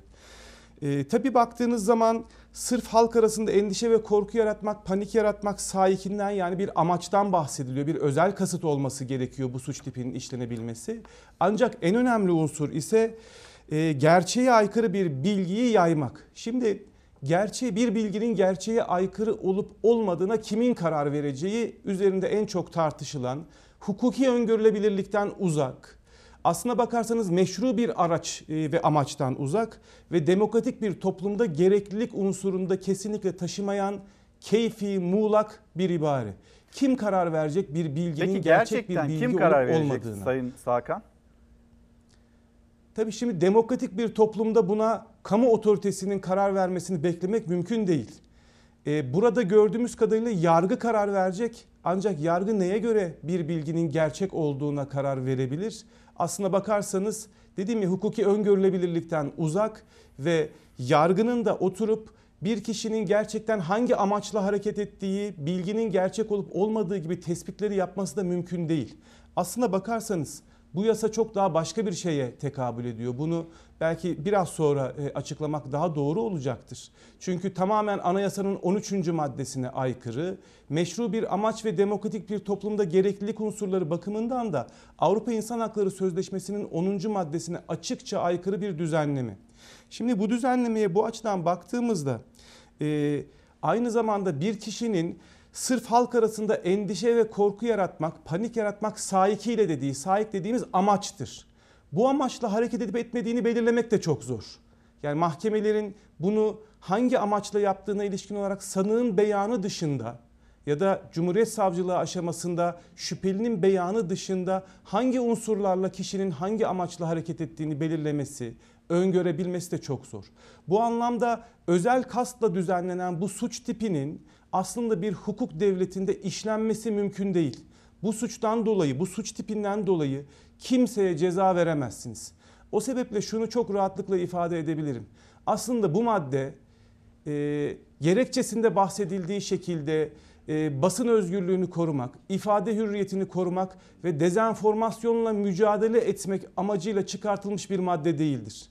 Bu maddeden dolayı birisine ceza da veremezsiniz. Bu madde Türkiye'deki herkesi düşüncesini açıklarken kendisini bir otokontrole sokmak, e, sabahın erken saatlerinde polislerin kapısında belirlenmesinden uzak durmak, endişe etmek, bu sebeple kendisini bir otokontrole sokmak amacıyla konulmuş bir e, maddedir. Aslına bakarsanız bu madde ifade özgürlüğünü tamamen ortadan kaldıran ve herhangi bir konudaki düşüncenizi bile sosyal medyadan paylaşmak istediğinizde kaygıyla hareket edeceğiniz ve gözaltına alınmanızı, yakalanmanızı ve hatta tutuklanmanıza kadar gidecek bir sürecin önünü açan bir maddedir. Ama bir yandan tutuklanamaz kimse derken işte o maddenin içinde 29. maddenin de içinde bir yıldan 3 yıla kadar hapis cezası var. Bu sadece sosyal medya için mi? Hani öyle söyleniliyor. Yoksa haberin tamamıyla ilgili mi? Ne dersiniz? Tabii gerçeğe aykırı bir bilgiyi alenen yayan diyor. Haliyle bu alenen yayma kısmına ilişkin bir sınırlama getirmemiş. Bu alenen yayma unsuru sosyal medya içinde söz konusu olabilir. Basın yayın organları içinde e, söz konusu olabilir. Vereceğiniz bir ilanla ilgili de e, söz konusu olabilir. Böyle bir sınırlama yok. Sadece sosyal medya değil. Bütün yaşam alanımızı kapsayan ve az önce ifade ettiğim üzere herkesi e, kapsam içine alan bir düzenleme. Şunun da altını çizmek gerekiyor e, İlker Bey. Şimdi bazı tartışmaları izledik birkaç gündür e, televizyonlarda. Özellikle bu yasayı savunan hukukçuları da dinlemeye gayret ettik. Çünkü ne söyleniyor, gerçekten meşru bir amaç ne olarak ortaya konulabilir diye. Söylenenlere dikkat ettim. Özellikle şu ifade ediliyor. Ee, örnekler veriliyor bazı örnekler. Mesela işte e, birisinin sosyal medyadan çıkıp hiç olmayan bir olayı gerçekmiş gibi anlatması. Ee, bir örnek olarak işte Suriyelilerin e, bir araya gelip toplanıp e, bir Türk çocuğu öldürdüğü vesaire gibi hiç olmayan bir haberi yaymasının bir yaptırımı olmadığı bu sebeple e, bu yasanın e, bir amaca e, karşılık geldiğini söyleyen bir görüş var. Kesinlikle katılmak mümkün değildir. Bakın Türk Ceza Kanunu'nun kamu barışına karşı işlenen suçlar başlığı altında 213. maddesinden itibaren düzenlediği bazı suç tipleri var. E zaten Bunlar var yani. içerisinde halkı kim ve düşmanlığa alenen tahrik de var mesela. Bahsedilen örnek verilen suçların hepsine karşılık bizim ceza yasamızda zaten yaptırımlar var. Terörle Mücadele Kanunu'nun 7. maddesi var. TCK 213 ve devamı var. 125. madde var. Haliyle bahsedilen suç tiplerine karşılık gelecek düzenlemelerimiz zaten yasal mevzuatımızda söz konusu. Ee, Sayın Başkan şimdi ben anayasanın 26 ve 28. maddelerini hem e, hatırlatmak istiyorum izleyicilerimize hem de anayasa mahkemesi süreci olacağını görüyoruz, anlıyoruz. Hemen bir ekrana yansıtalım. Sonrasında yine sizinle konuşmak istediğimiz konulardan bir tanesi evimizde yabancılar var. Nereden geldiler bir de gönderemiyoruz sistemsel olarak. Onu konuşmak istiyoruz, size sormak istiyoruz. Bir de e, Birden kendinizi siyasi bir partinin üyesi olarak da bulabiliyorsunuz. Bizim arkadaşımız Gamze Dondurmacı E-Devlet'ten girdi baktı. Evet Büyük Birlik Partisi'ne Gamze Dondurmacı üye olmuş, üye kaydı yapmış. Ama bir gazeteci hani böyle bir tavır içinde olmam diye anlattı. Bu nasıl oldu? Yine Erinç Sakan'la konuşalım. Yalnız anayasanın 26. ve anayasanın 28. maddelerini hemen sizinle bir paylaşalım. Bu düzenleme bir otokontrol düzenlemesidir. Farklı bir sabaha uyandık ve bunun ağır sonuçları olacaktır. İşte Türkiye Barolar Birliği Başkanı Erin Sakan'ın manşet cümleleri. Sansür yasası 26. madde. Herkes düşünce ve kanaatlerini söz, yazı, resim veya başka yollarla tek başına veya toplu olarak açıklama ve yayma hakkına sahiptir. Biz bu hakkımızı kullanabiliyor muyuz? Bu hürriyet resmi makamların müdahalesi olmaksızın gittiniz bir yerde açıklama yaptınız. Karşınızda polisi buluyorsunuz. Ne talimat veriliyorsa polisle karşı karşıya geliyorsunuz. Peki biz anayasanın 26. maddesindeki bu e, düzenleme kapsamı içinde yaşıyor muyuz? Size bir sorayım. Sonra yine Sayın Sakan'a da soracağım. Bu hürriyet resmi makamların müdahalesi olmaksızın haber veya fikir almak ya da vermek serbestliğini de kapsar. Gelelim 28. maddeye. Anayasanın 28. maddesi ve o maddede bize diyor ki basın hürdür sansür edilemez. Basım evi kurmak, izin alma ve e, mali teminat yatırma şartına bağlanamaz. Devlet basın ve haber alma hürriyetlerini sağlayacak tedbirleri alır. Şimdi hemen bir gidelim. Yeniden Ankara stüdyomuza dönelim. Sayın Sakan'a soralım. Anayasanın maddeleri, hükümleri çok açık. Siz 13. maddeye de dikkat çektiniz. Peki şimdi Anayasa Mahkemesi nasıl bir karar alacak? Şimdiden öngörebiliyor musunuz? Evet, evet aslında E, 26 Mayıs'ta e, Türkiye Büyük Millet Meclisi gündemine gelen bir yasaydı bu hatırlarsak. E, Daha sonra araya meclisin tatili ve e, Ekim ayına ötelenmesi söz konusu olmuştu. Haliyle e, Anayasa Mahkemesi'ne başvurma yetkisi olanların başta ana muhalefet partisi olmak üzere gerekli hazırlıkları yapmış olması gerekmekte bu süreç içerisinde. E, ivedi olarak Anayasa Mahkemesi'ne başvurulması gereken bir konu. Başta 13. madde olmak üzere sizin bahsettiğiniz 26'ya 28'e çok açıkça aykırı bir e, düzenleme. Tarafı olduğumuz ki e, Anayasa 90 uyarınca e, normlar hiyerarşisinde en üst seviyede bulunan uluslararası bir sözleşme anlamında Avrupa İnsan Hakları Sözleşmesi'nin 10. maddesine çok e, açıkça aykırı bir düzenleme. Anayasa Mahkemesi'nin bu dosyayı ivedilikle e, incelemeye alıp e, açıkça anayasaya aykırı olan bu kanuni düzenlemeyi soyut norm denetimi yöntemi ile iptal etmesi gerekiyor. Çünkü tamamen 13. maddeye bir kere temelde temel hak ve özgürlüklerin sınırlandırılmasını düzenleyen maddenin genel çerçevesine aykırı bir e, düzenlemeden bahsediyoruz. Ne diyordu orada? E, bir temel hak ve özgürlük ancak ve ancak anayasada belirtilen sebeplerle kanunla ve ölçüllülük prensibiyle e, sınırlandırılabilir. Burada bir ölçüllülük prensibinden, hukuki öngörülebilirlikten, meşru bir amaçtan ve demokratik bir toplumda gereklilik unsurlarından bahsetmek mümkün değil. Anayasa Mahkemesi'nin muhakkak ki buna bir dur demesi gerektiği kanaatindeyim. Ha dur bu arada demedi. bir ekleme daha yapmak istiyorum. Ee, Ha, buyurun, buyurun. Evet. Bir ekleme daha yapmak istiyorum. Bu arada e, Venedik Komisyonu'nda 7 Ekim tarihinde bir ortak acil görüş yayınladı. E, bir eksiğim olmasın ama bildiğim kadarıyla ilk defa e, bu şekilde bir e, görüş açıklaması yaptı. Biz Türkiye Barolar Birliği olarak e, bu açıklamayı Türkçe'ye de çevirip yayınladık. Bu konuyu e, tartışan bir düzenleme. Çünkü e, iktidar kanadının bunun e, Avrupa'da bazı ülkelerde de benzerlerinin olduğuna ilişkin e, açıklamaları vardı. Aslında o açıklamalarının da gerçek dışı olduğunu işte e, Almanya'daki, Fransa'daki, Yunanistan'daki örnekleri de vererek oradaki uygulamanın nasıl olduğunu da anlatarak gösteren bir açıklama ve sonu sonuç itibariyle de Venedik Komisyonu diyor ki bu düzenleme açıkça ifade özgürlüğünü kısıtlayacak bir düzenlemedir ve 2023 Haziran ayı seçimlerine giderken yaratacağı potansiyel sonuçlardan da büyük endişe duymaktayız şeklinde bir ciddi bir raporlaması var. Yani uluslararası kamuoyunun da gözünün üzerinde olduğu bir düzenleme. Tabi Anayasa Mahkemesi'nden böyle bir sonuç çıkmazsa e, ne olacak? Yürürlük tarihi Artık nedir? bu tür konulardaki yargılama Tabi resmi gazetede yayınlandığı anda yürürlüğe e, girecek. Bu birkaç gün içerisinde resmi gazetede yayınlanmasıyla birlikte ayrı bir yürürlük tarihi öngörülmediğine göre birkaç gün içerisinde yürürlüğe girecek. Eğer ki Anayasa Mahkemesi buna bir dur demez ise bu suç tipinden dolayı mağdur olan insanların iç hukuk yollarını tüketmek suretiyle Avrupa İnsan Hakları Mahkemesi'ne konuyu taşımaları ve oradan verilecek bir hak ihlali kararıyla ancak ve ancak birkaç sene sonra bu e, maalesef ki bu yasaya karşı e, bir olumlu gelişme yaşayabiliriz. Sayın Sarkan şimdi siz savunma makamı ve işte avukatların başkanı olarak mesela yürürlüğe girdi. Anayasa Mahkemesi iptal etmedi. Siz e, böyle bir müvekkil geldiğinde siz onu savunduğunuzda biz e, açılan davaya karşı müvekkilimizi savunuruz ve kazanırız. Gönül rahatlığı içinde söyleyebiliyor musunuz? Şöyle ifade edeyim. E, tabii bu, burada bahsettiğimiz konu yargı bağımsızlığıyla e, ilgili Evet. bir konu. Normal şartlarda e, konuşmamın ilk başında ifade ettiğim üzere buradaki amaç aslında bir kişiyi cezalandırmak olarak görülmüyor. Buradaki amaç sabahın erken saatlerinde insanların attıkları bir tweetten dolayı gözaltına alınması.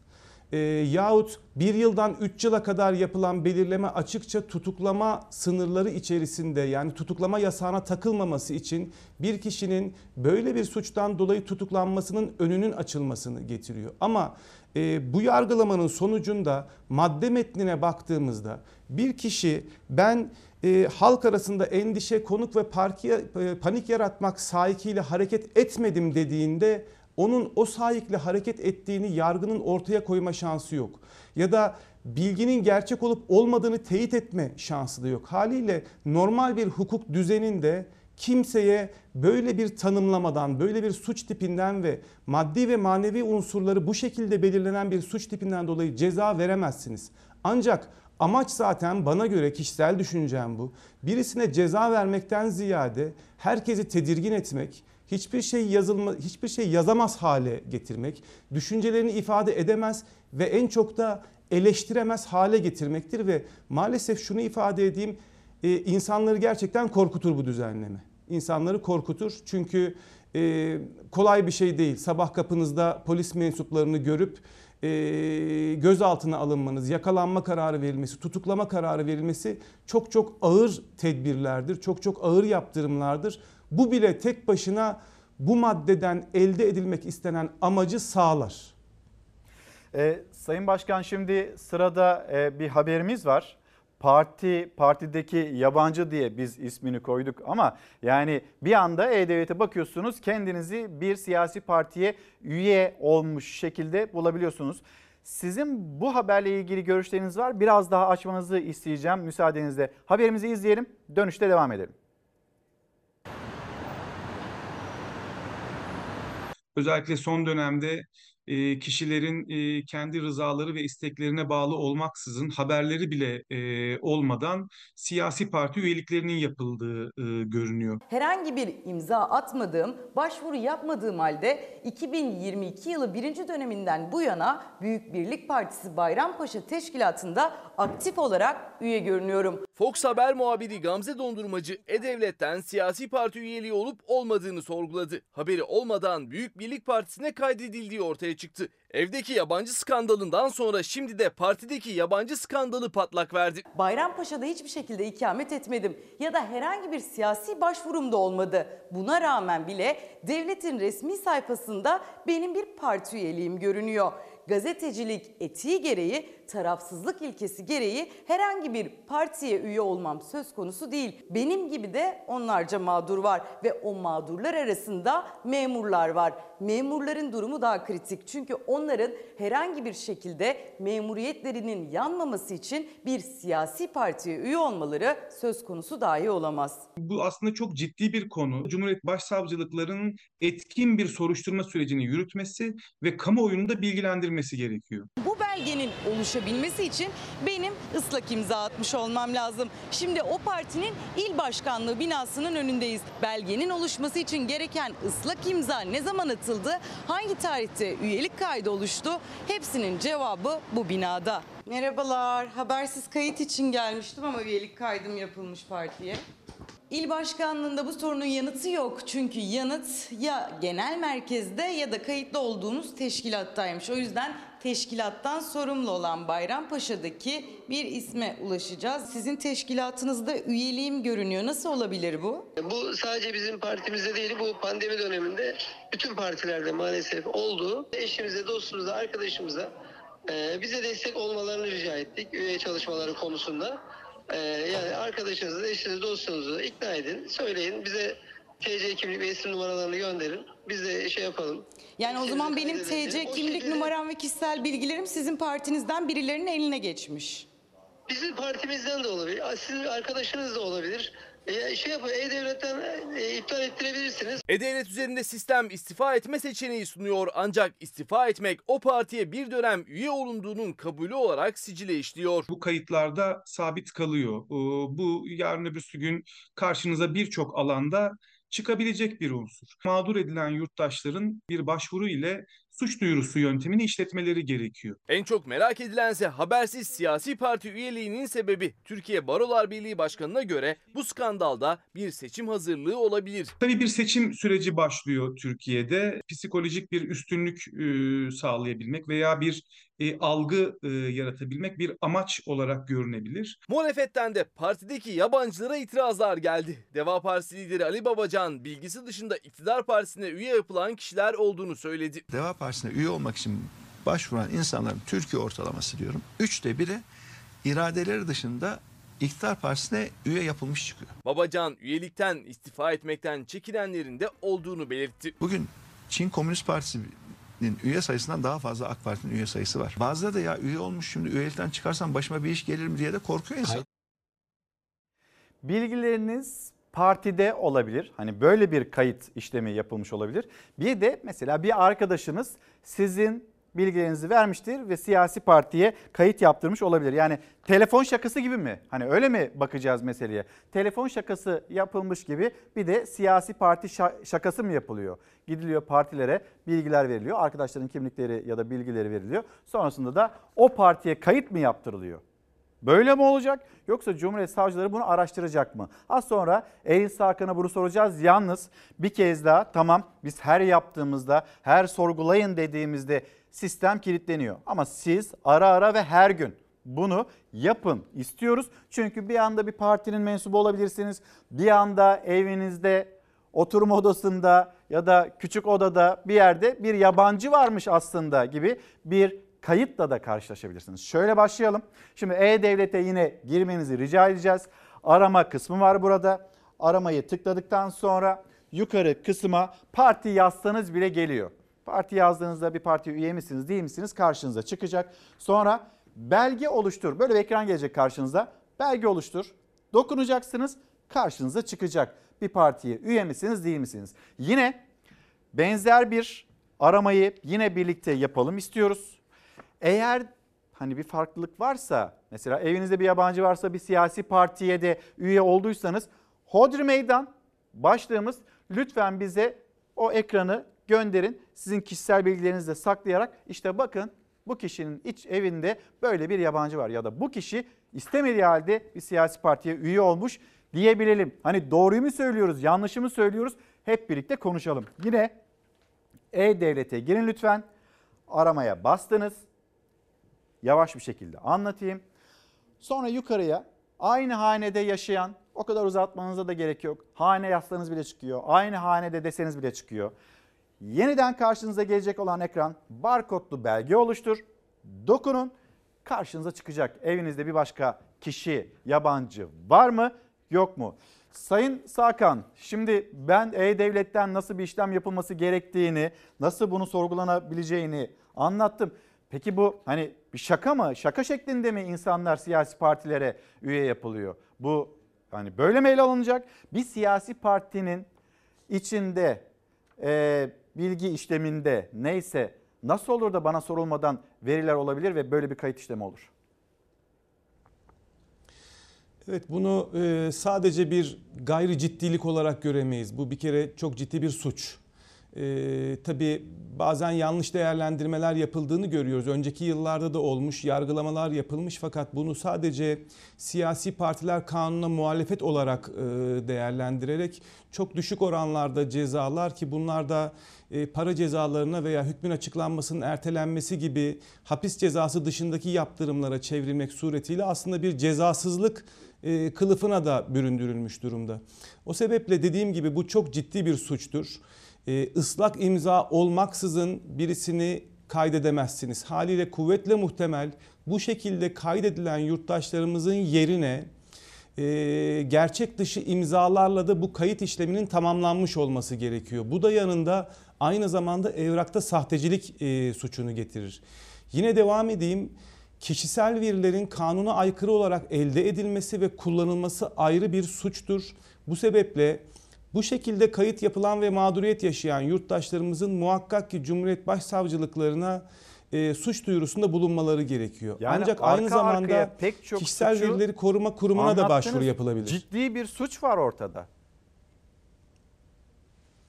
Tabii tabii çok çok ciddi bir suç ve e, az önce ifade edildiği üzere sadece istifa ederek de e, bu işten kurtulamıyorsunuz. Artık kayıtlara girmiş bulunuyor e, bu başvuru ve siz bir dönem hiçbir şekilde içerisinde bulunmaya dönük iradeniz olmayan bir partiye kayıtlı duruma e, geçiyorsunuz. Hayatınızın birçok alanında karşınıza sorun olarak çıkabilecek bir durumdan bahsediyoruz ve çok ağır yaptırımları olması gereken bir konu. Ancak bugüne kadarki yaptırımlar hep dediğim gibi cezasızlığı getirdiği için buna çok rahatlıkla cüret edilebildiğini görüyoruz. Az önce muhabir arkadaşımızın yaptığı konuşma bunu e, gösteriyor. Karşıdaki şahıs bunun son derece olağan bir işlem e, olduğunu, altı üstü istifa edersiniz.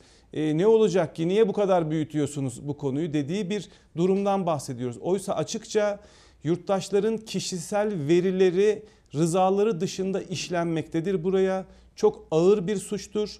Acilen Cumhuriyet Başsavcılıkları tarafından bu şekilde yapılan işlemlere dönük soruşturma başlatılması gerekmektedir. Aynı zamanda Yargıtay Cumhuriyet Başsavcılığında e, partilerin kayıtlı üyelerinin sicilleri e, tutulmaktadır. Yargıtay Cumhuriyet Başsavcılığının da bu anlamda e, partilerle bu üye kayıt ve kabul işlemlerine dönük yapılan usulsüzlüklere ilişkin harekete geçmesi gerektiği kanaatindeyim. Efendim çok teşekkür ederim. Çok sağ olun. Çalar Saat'e katıldığınız için Türkiye Barolar Birliği Başkanı Erin Sakan'la konuştuk. Hem sansür yasasını hem de evimizdeki yabancıyı ve bir anda kendimizi bir siyasi partinin üyesi olarak görmemizi. Tekrar teşekkür ederim Erin Sakan'a. Şimdi sıradaki haberimiz e, bir kongre, kongrede yaşanılan e, baskın. Amerika Birleşik Devletleri eski başkanı Trump e, kendisinin başı beladan kurtulmuyor açıkçası. Buna dair haberimiz.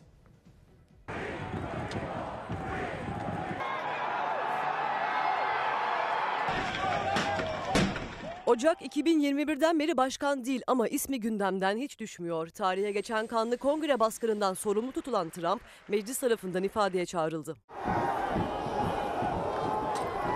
Amerika Birleşik Devletleri'nde meclis yeniden 6 Ocak kongre baskınını araştırmaya karar verdi. Oy çokluğuyla eski başkan Donald Trump'ın ifadeye çağrılması talebi kabul edildi. Demokrat vekillere bazı cumhuriyetçi vekiller de eklendi. Trump'ın olaylara dahil olduğu, planlı bir şekilde hareket ettiği bir kez daha gelen suçlamalardan oldu.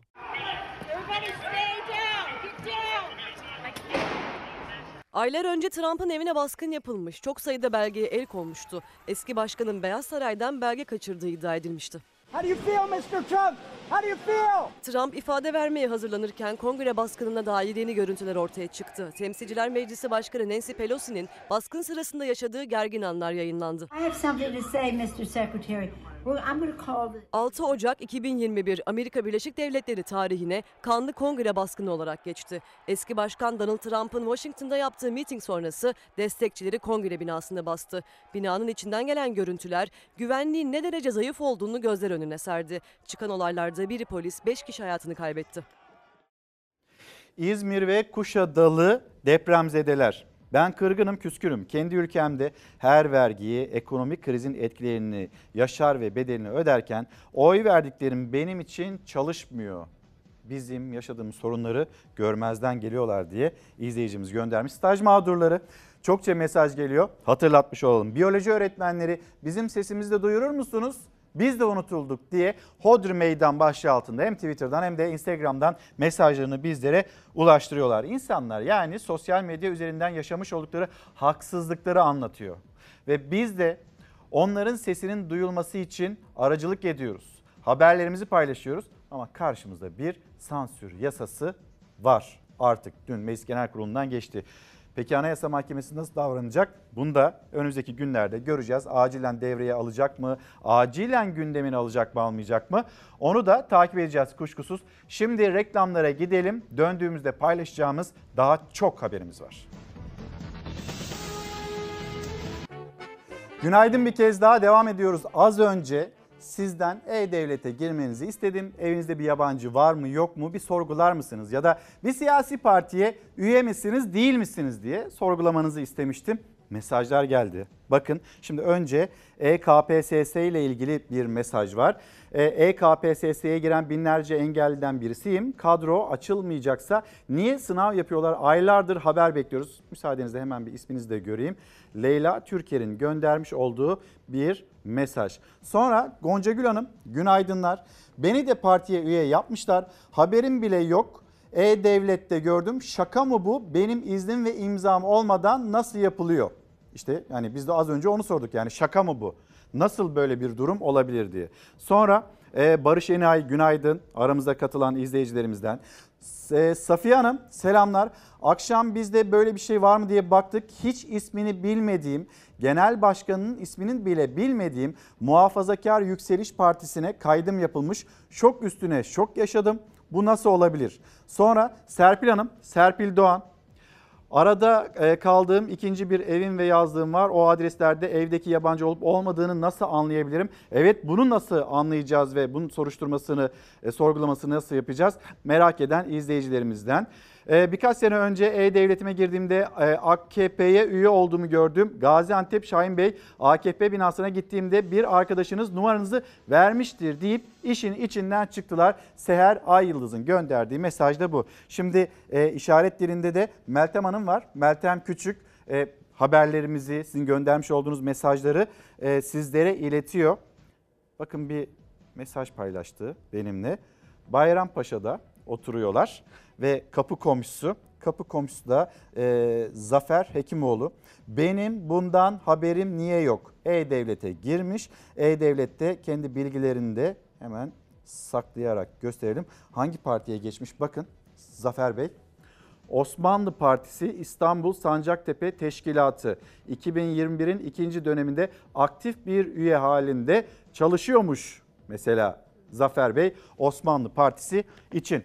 Bunu konuşmaya devam edelim.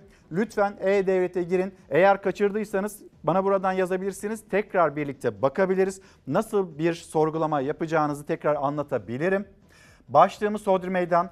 Ankara Büyükşehir Belediyesi'nden su fiyatını %50 oranında indirmesi istendi.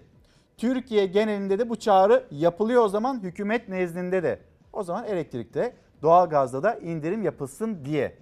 Hem indirimi konuşacağız hem de bu gece itibariyle hayatımıza gelecek ve girecek olan bir akaryakıt zammını haberimizde. 24 liraya mal edilen su 6 liraya indiyse ey yüce meclis gel sen de Ankara Büyükşehir Meclisi kadar ol be ya. Elektrikte doğalgazda bir yüzde elli indirim yapalım. Bu ülkede doğalgaz fiyatlarının, elektrik fiyatlarını Sayın Erdoğan belirlemiyor mu? Ülkenin Cumhurbaşkanı olarak niye doğalgaz fiyatlarını %50 indirmiyorsunuz diye soruyorum burada. Mazotta, benzinde ÖTV'yi kaldıralım. Hodri meydan. Muhalefet iktidara indirim resti çekti. Ankara Büyükşehir Belediyesi'nin AK Partili üyelerinin suya %50 indirim kararı sonrası elektrik, doğalgaz ve mazotla %50 indirilsin dedi. İndirim çağrıları yapılırken motorine yarından itibaren geçerli olmak üzere 1 liralık zam bekleniyor. Sayın Erdoğan'a çağrı yapıyorum. Size dönün tüm Türkiye'de bütün elektrik fiyatlarına %50 indirim yapın. Buradan bir kampanya başlatıyorum. Hadi bakalım elektrikte, doğalgazda, mazotta, akaryakıtta, şunda bunda, ÖTV'de %50 indirim yapın. Suda yaptığınız gibi. Hadi yayalım bunu. Suda indirim tartışmasına ilişkin henüz bir açıklama yapmayan Mansur Yavaş, Fox Haber ekranlarından Selçuk Tepeli'nin çağrısını sosyal medya hesabından paylaştı. Yani o da iktidara çağrı yaptı. AK Partili belediyelerin yönettiği illerde de CHP'li meclis üyeleri de %50 su indirimi önergeleri vermeye başladı. Ankara Büyükşehir bunu yaptıysa Kahramanmaraş'ta halkımızın da suyu ucuz içmesini istiyoruz. Kahramanmaraş Büyükşehir Belediyesi Belediye Meclisi, CHP ve İyi Parti Ankara'da AK Partili meclis üyelerinin verdiği ve kabul edilen suda %50 indirimi Kahramanmaraş Belediyesi de yapsın diyerek önerge verdi. AK Partili üyeler önergeyi gündeme bile almadı. Bunu oylamanızı istiyoruz. AK Partili arkadaşlar red verdi. Klasik AK Parti'nin iki yüzlülüğü ortaya çıktı. AK Partili meclis üyeleri gündeme dahi almadılar.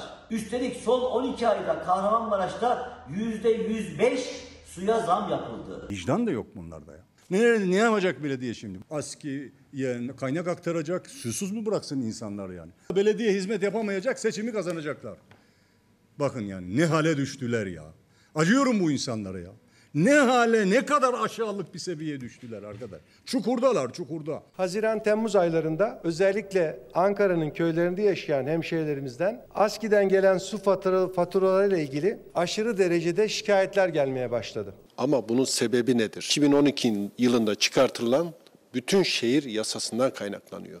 Bu bütün şehir yasasıyla Nallıhan'ın bir köyü, Beypazarı'nın bir köyü. Bunların hepsi mahalle oldu. Merkezde nasıl bir faturalandırma sistemi varsa aynısı oraya uygulandı. AK Parti suda %50 indirimi köylere gelen yüksek faturalar diyerek açıkladı ama 2012 yılında AK Parti'nin büyükşehir yasasını çıkarmasıyla köylü su faturasıyla tanıştı. Çünkü köyler mahalle sayıldı o yasayla. Kanuna göre köylerde suyun %25 indirimli olması için bağlı oldukları ilçe belediyelerinin Büyükşehir Belediyesi'ne başvurması gerek. Ama Büyükşehir Belediye Meclisi'nin CHP'li üyesi Yaşar Neslihanoğlu ilçe belediyelerinin bu başvuruyu yapmadığına dikkat çekiyor. O belediye üyelerin AK Partili olmasına. Şu an hala ilçe belediyelerinden bu kararların alıp da bize ulaşılmayanlar var. O ilçe belediyeleri hangi partinin ilçe belediyeleri? Taşra belediyeleri bunların tamamı da AK Partili belediyeler.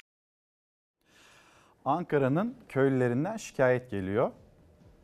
Bu su ücretleriyle ilgili. Peki Gaziantep'in köylülerinden de geldiğini gördük.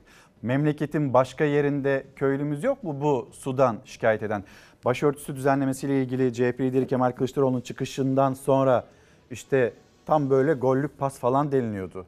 Şimdi o golü kim attı, kim atmadı bu indirim isteğinden sonra? Kim böyle kaleyi boş bıraktı da böyle bir tartışmaya neden oldu? Ceren Kurtay Doğan, klinik bir psikolog, aşk olsun diyor kitabında. Vesile Sezer, yönetmen koltuğu bize kitabını ulaştırdı. Hemen onu da gösterelim. Antalya'ya gidelim. Antalya'da bir rant endişesi, telaşı. Hemen o haberi de okuyalım sizlere. Körfez gazetesi Ranta Fren.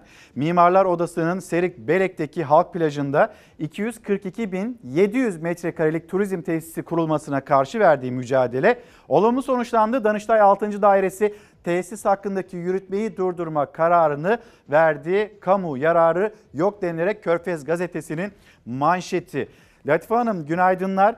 Diyor ki bize Hodri Meydan gerçekleri konuşmaktan korkmayın. Bizimle paylaşmış olduğu mesaj bu ve biz de ne oluyorsa ne bitiyorsa az önce Erin Sakan'la da konuştuk. Aslında biz bunu konuştuğumuz için bir mevzuat da var. Böyle bir düzenlemeye hiç de gerek yoktu ama bir otokontrol. insanlar sosyal medyaya girmesin, sosyal medyada konuşmasın, sosyal medyada bir hak arayışı içinde olmasın diye böyle bir düzenleme yapıldı. Başka bir açıklaması yok ve bağımsız yargı ya da Anayasa Mahkemesi buradan dönmesi gerekir. Çünkü anayasanın kendisine aykırıdır bu sansür düzenlemesi. Elin Sakan'ın vurgusunu yaptığı konuydu ve ağır sonuçları olur. Bir başka konu. Ve bizim yine ağır sonuçları olduğunu gördüğümüz ve yaşadığımız bir başka konu. Gıda enflasyonu çok fazla konuşulmuyor ama dünya ile kıyasladığımızda bakın Türkiye nerede Nerede dünya şampiyonu? Dünyada da enflasyon var. Evet ama bizde her şeyden çok, her yerden fazla var bizde. Türkiye gıda enflasyonunda zirvede. Dünyada gıda fiyat artış oranı %14, Türkiye'de ise %92. Bütün herkes hücrelerine kadar hissediyor. Ben hiç e, fiyat bakmazdım daha önce. İlk defa hayatımda 55 yaşındayım. Bu sene fiyat bakıyoruz maalesef. 6 aydır dünyada gıda fiyatları geriliyor. Türkiye'de ise Eylül 2020'den beri yani 2 yıldır yükseliş trendinde. Türkiye'de ulaştırmadan sonra fiyatların en çok arttığı kalem gıda. Yıllık enflasyon TÜİK verilerinde %83, gıda enflasyonu ise %92. Ağustos ayı itibariyle Avrupa Birliği'nin yıllık gıda enflasyonu ortalaması %14. OECD ülkelerinin ise %15'lerde. Bir ekmek 5 lira olmuş. Ekmeğine simit aynı. Dünyada da enflasyon var. Olsun. Bizim Türkiye'de bu kadar değildi ama. Ekonomik İşbirliği ve Kalkınma Örgütü ülkeleri içinde gıda fiyatlarının en çok arttığı ülke büyük bir farkla Türkiye. Gıda fiyatlarında Türkiye'ye en yakın artış %33 ile Macaristan. Fiyatların en az yükseldiği ülke ise yıllık %2,5 ile İsviçre. Geçen sene değil ondan önceki sene gene hani pahalı pahalı diyorduk ama bu yıl vahim. Tezgahları böyle baştan sona kadar gezdim. Hiçbir istediğimi yani o ödemeyi yapamıyorum, alamıyorum. 2019-2021 yılları arasında gıdada fiyat artışı %15-20 arasında seyrediyordu Türkiye için. Belli ki yeni ekonomik model epistemolojik bir kopuş yarattı. Sevgi Hanım günaydın. Bakın gönderdiği mesaj şu. Dün akşam haberlerde görüp bakmıştım var mı böyle bir şey diye. Ben, babam ve abim AK Parti üyeliğimiz çıktı. Abim üniversite okuduğu yerde 2016 yılından beri aktif üyeymiş. Bakayım sizin burada kendinize ait bir kişisel bilgi var mı? Yok. Adalet ve Kalkınma Partisi Ankara Çankaya Teşkilatı 2019'un ikinci dönem aktif olarak da üyeliği başlamış. İzleyicimizden Sevgi Hanım'dan gelen mesaj bu şekilde. O zaman tekrar geri dönelim. Evdeki yabancıyı da soruşturalım. Siyasi parti üyeliğiniz var mı? Tartışmanın bir konusu. Diğer konusu da evinizde bir yabancı var mı yok mu? Lütfen kontrol edin. Bir fatura düzenlemesi yaparken bir şey fark ettik. Bu evde bir başka birinin oturduğu kayıtlarda çıkıyor karşımıza. Ben bu sabah nüfus müdürlüğüne gittim. Nüfus müdürlüğünde evet gerçekten bir başka kişi oturuyor ve o kişi bir yabancı. Ee, Ben tanımıyorum o kişiyi. Bu ev normalde çalışma ortamı ama bir yandan da yaşanılan da bir yer. Burada hem çalışılıyor hem de yaşanılıyor. Dergi levhamız var. Evdeki yabancı skandalı konutlarda başladı, boş binalarla devam etti. Bu kez iş yeri olarak kullanılan bir daireden yabancı çıktı. İş yeri veya normal mesken hepsi aynı bence. Nasıl olabiliyor? Nüfus idaresi benden belgeler istiyor, sorular soruyor. Bu nasıl oluyor? Ben bunu hiç anlamadım zaten. Bu kişi bir suça karışsa, kayıtlı adresi burası. Nereye gelecek emniyet? Kolluk kuvvetleri nereye gelecek? Direkt buraya gelecek. Adresle kayıtlı yabancılarla ilgili örneğin, Canım benim.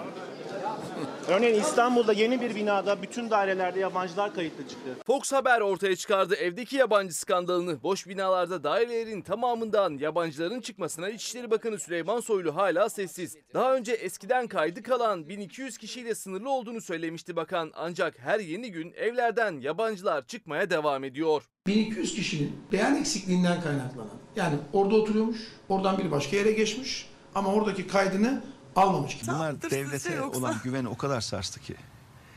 Yani e, yazık ya. 1200 hiç gerçekçi bir rakam değil. Eski de değil.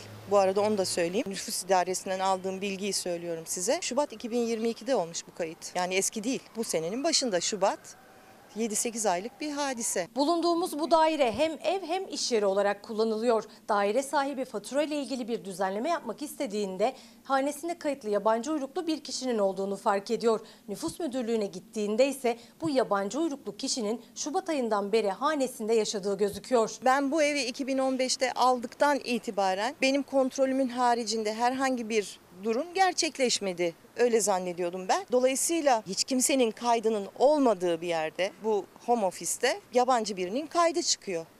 Bu anlaşılmaz bir şey yani. Devletin yürüttüğü işlerde böyle sıkıntılar ortaya çıkarsa biz kime güven duyacağız? Vatandaş bu noktada tedirgin, mükerrer bir seçmen çıkabilir mi diye bir tedirginlik sürüyor. İçişleri Bakanlığı sorunu çok hafife alıyor. Bunların elinden bunlar, bu bütün bu alet edevat falan almak lazım. Yani. Çünkü zarar veriyorlar gerçekten. Güvene zarar veriyorlar. CHP meclise araştırma önergesi verdi. AK Parti ve MHP evdeki yabancı skandalının araştırılmasını reddetti. Deva Partisi lideri Ali Babacan da devlete olan güven zedeleniyor diyerek ses yükseltti. Hem güvenlik hem de seçim güvenliği evlerinden yabancılar çıkanlar tedirgin. Bu kişi vatandaş mı değil mi bilmiyoruz mesela. Vatandaşsa zaten oy kullanacak demektir. Ama vatandaş değilse seçime belli bir süre kaldığında vatandaş yapılırlarsa ne olacak? Oy kullanma hakkına sahip olacak. Seçim için ne türlü bir beklenti var ve buna yönelik ne düşünülüyor bilemiyorum. Murat Bey, günaydın. Herkes evdeki yabancıya odaklandı. Yalnız diyor. Önemli bir uyarısı var. Ee, yakın zamanda ofis ve iş yerlerinin ev olarak kullanılabileceği e, masum görünen bir düzenleme yapıldı. Asıl seçmen kaydırma buralarda da olabilir. Hiç dikkat etmediğiniz yerden bir ikametgah ve seçmen kaydırma. Ümit Özdağ'ın e, tezine göre 3 milyon kişiye, Suriyeliye, göçmene oy kullandırılacağı yönünde. Mustafa Şahin günaydın. Madem iktidar anketlere de bakıyor, o kadar da kendisine güveniyor. Biz niye Haziran ayını bekliyoruz seçim için? Hadi getirsinler sandığı önümüze. Gökhan Kurt, bakın bu önemli. Motorlu taşı, e, trafik sigortası aldı başını gidiyor ve herkes seyrediyor. Geçen yıl 510 lira olan trafik sigortası bu yıl en düşük 2400 lira. Acaba acaba 1 Ocak 2023'ten sonra yeniden değerleme verileri ve karşımıza nasıl e, yeni vergiler çıkacak? Gamze Hanım öyle zannediyorum bizi takip alan bir izleyicimiz. 7 yıllık adresim son bir yılda iki kez değişti. Yani aynı adresim 3 ayrı adres oldu. Gelen bir başka mesaj. Adım Meryem. Bir Azmin Kırılgan hikayesi Meryem Nazlı'nın kitabı. Ve Mebus bir, bir Seres Fedaisi'nin romanı Feridun Büyük Yıldız'a ait. Bir başka kitap günün birinde Yavuz Ekinci. Şimdi Hürriyet gazetesine bir geçelim. Maalesef feci bir kaza haberi. Onu paylaşacağız, onu aktaracağız sizlere. İstanbul'da 17 yaşındaki ehliyetsiz sürücü kullandığı kamyonetle genç doktor Buğra Kaan Yücebaş'ın ölümüne bir kişinin yaralanmasına neden oldu. Ve babasını bekliyordu. O anda o durakta maalesef bu feci ölüm yaşandı. Türkiye bir doktorunu daha kaybetti. Bu kez trafik kazasında. Sağlık Bakanı Fahrettin Koca sosyal medyadan yaptığı paylaşımla genç doktorun ailesine ve sağlık camiasına başsağlığı diledi. Tıp fakültesinden yeni mezun ilk görev yeri olan Süreyya Paşa Göğüs Hastalıkları ve Göğüs Cerrahisi Eğitim Araştırma Hastanesi acil servisinde çalışan arkadaşımız Doktor Buğra Kaan Yücebaşı trafik kazasında kaybettik. Allah rahmet etsin. Ailesine ve camiamıza başsağlığı dilerim. 26 yaşındaki doktor Buğra Kaan Yücebaş tıp fakültesinden geçtiğimiz Haziran ayında mezun olmuştu. Uzmanlık sınavından 65 puan alan genç doktor iç hastalıkları bölümünde uzmanlaşmayı planlıyordu. Babasının dükkanının önünde kaldırımda beklerken buldu ölüm onu. 17 yaşında ehliyetsiz bir sürücü gencecik yeni mezun bir doktoru hayattan kopardı. Aracın sürücüsü kaza sonrası olay yerinden kaçtı ancak firarı çok uzun sürmedi. Yakalanan sürücü emniyetteki ifadesinde panikledim kaçtım dedi. Şüphelinin taksirle ölüme ve yaralamaya neden olma suçundan tutuklanmasını talep etti savcılık. İstanbul Ataşehir'de sabaha karşı 5.30 sularında oldu kaza. Kontrolü kaybeden kamyonet sürücüsü önce bir taksiye ardından kaldırımda bekleyen iki kişiye çarptı. Kazada kaldırımdaki yayalardan Samet Şenelen yaralandı. Doktor Buğra Kaan Yücebaş ise oracıkta hayatını kaybetti. Maalesef bir acı haber daha paylaşacağız. O da hepini, hepimizin, hepinizin bağrına bastığı bir bebekti. Nisa bebek. Ondan da iyi haber veremiyoruz. Kızımla tanıştırmak isterim. Nasıl yakıştı, nasıl yakıştı anneciğim. Anneciğim çok güzel oldu baksana. Annesinin terk ettiği, acil tıp teknisyeninin bulduğu anda emzirerek hayatta tutmaya çalıştığı Nisa bebek. Minik bebeğin 30 Eylül tarihi itibariyle yaşamını yitirdiği öğrenildi. Annesi için terk suçundan 5 ay hapis cezasına hükmetti mahkeme. Al bakalım emciğini de. Tamam anne. Geçtiğimiz 29 Mart'ta tanıdı Türkiye Nisa bebeği. Pendik'te boş bir arazide terk edilmişti. İhbar üzerine araziye giden sağlık ekibinden acil tıp teknisyeni Büşra Durmaz hemen emzirdi Nisa bebeği. Videosunu sosyal medyadan paylaştı. O anların videosunu Sağlık Bakanı Fahrettin Koca da paylaştı sosyal medya hesabından. Bakanın paylaşım yaptığı sırada Nisa bebek yoğun bakımda yaşam mücadelesi veriyordu. Sonradan ortaya çıktı. Acil müdahalesinden sonra çocuk esirgeme kurumuna götürülmüş, solunum güçlüğü şikayetiyle hastaneye kaldırılmıştı Nisa bebek. Videosunu görenlerin bakmaya doyamadığı 29 Mart'ta bulunan 3 aylık bebeğin 30 Eylül tarihinde yaşamını yitirdiği öğrenildi. Mahkeme raporuna göre bebek beslenme sırasında akciğerine kaçan mama nedeniyle hastanelik oldu. Aile Bakanlığı çocuk bakım evi hakkında soruşturma başlattığını açıkladı. Muayenesini yaptığımız esnada da sürekli ağlıyordu ve emme isteğinde bulunuyordu. Nisa bebeğin annesi Ebru S. hakkında görülen davada sanık avukatı müvekkili için başka çaresi yoktu diyerek savunma yaptı. Kürtaj yaptırmak istediği ama hastanenin yapmadığı, hamileliğin çok erken yaşta gerçekleştiği, sanığın sığınma evinde psikolojik destekten mahrum kaldığını hatırlattı. Bebeğin ölümünden annenin sorumlu olmadığını savundu. Mahkeme Ebru S.'yi terk suçundan 5 ay hapis cezasına çarptırdı. Sabıkasız olduğu için hükmün açıklanmasını geri bıraktı. Şiddet ve e, acı haberleri maalesef peşimizi yakamızı bırakmıyor. Birazdan da Antalya Gazi Paşa'ya gideceğiz. Ya bu kadar olmaz yeter artık diyeceğiniz bir haberi paylaşacağız. Merhaba ben Kanser. Hayatınızı değiştirmeye geldim. Korku, telaş, çaresizlik ve umut Didem Taştekin yazdı. Anarkali, Kerime Ural, Cengiz'in kitabı ve Servet Topaloğlu Ülke Yönetimi. Hemen bu kitabımızı da göstereyim. Sonra Muammer Cankurt, günaydınlar. Diyor ki tanımadığımız iki kişi bizimle oturuyormuş. Hemen e, kimlik bilgileriniz de var. Onu da nasıl saklayayım? Şöyle gizlemeye çalışayım. Burada kendilerinin tanımadığı iki kişi Çiğdem ve Liva isimli gözükmüyordu herhalde. Tamam neyse bir yandan da endişe ediyorsunuz. Sonuçta bunlar sizin kişisel bilgileriniz. Ve bir başka izleyicimiz Dilara Cantürk. Şimdi sizin programınızı izlerken ne oluyor bir bakalım dedik. E-Devlet'e girdik diyor kendisi. Değişim Partisi'nin Etimeskut Teşkilatı'na üye çıktı babam. Bu nasıl oluyor? Bizim kimlik bilgilerimizi nasıl veriyorlar? bakın İlhami Cantürk hayırlı olsun. Yani Türkiye Değişim Partisi Etimeskut Teşkilatı'na üyeymiş. Şimdi baktık karşımıza bu çıktı ve Doktor Aysel Yavuz bunu her gün yapmamız gerekiyor galiba. Bazen giriyorsunuz, bazen başaramıyorsunuz, giremiyorsunuz ama bir bakmışsınız evinizde birisi ya da siyasi partiye üyeliğiniz var. Şimdi de Antalya Gazi Paşa yine bir şiddet haberi. O çocuğun hiç kalçası çıkmamış ya. Hmm, çıkarabilirdi. Kafasında sert vurmuştu. Atmışlar çocuğumu. Böyle çizikleri, yaraları Hırpalandı, yerden yere vuruldu, duvara fırlatıldı. İddiaya göre bu yaşanan şiddetin sadece cep telefonu kamerasına yansıyan kısmıydı. 6 yaşındaki otizmli kız çocuğu annesinin kendisine güvenip emanet ettiği anaokulunda 15 gün boyunca dayağa maruz kaldı. Görüntülerdeki iki öğretmenden biri tutuklandı, diğeri serbest bırakıldı. sakin olacaksanız videolar atacağız dediler. Attılar. Görür görmez zaten ben niye uğradığımı şaşırdım. Kafasını nasıl çarpıyor? Allah seni kahretsin. Biri şiddet uygularken diğeri de hakaretler yağdırdı. Antalya'nın Gazipaşa ilçesinde Gülay Şirin 6 yaşındaki otizmli kızını iyi bir eğitim görmesi için anaokuluna göndermeye başladı. İki hafta sonra bir pazar günü anne Gülay Şirin'in cep telefonuna bir video gönderildi. Ne yapıyor ya? Ne? Döndürüyor. Ayağı çıkacak az kalsın. Videoyu çekip gönderen anaokulunun diğer öğretmeniydi. O çocuğun hiç kalçası çıkmamış ya.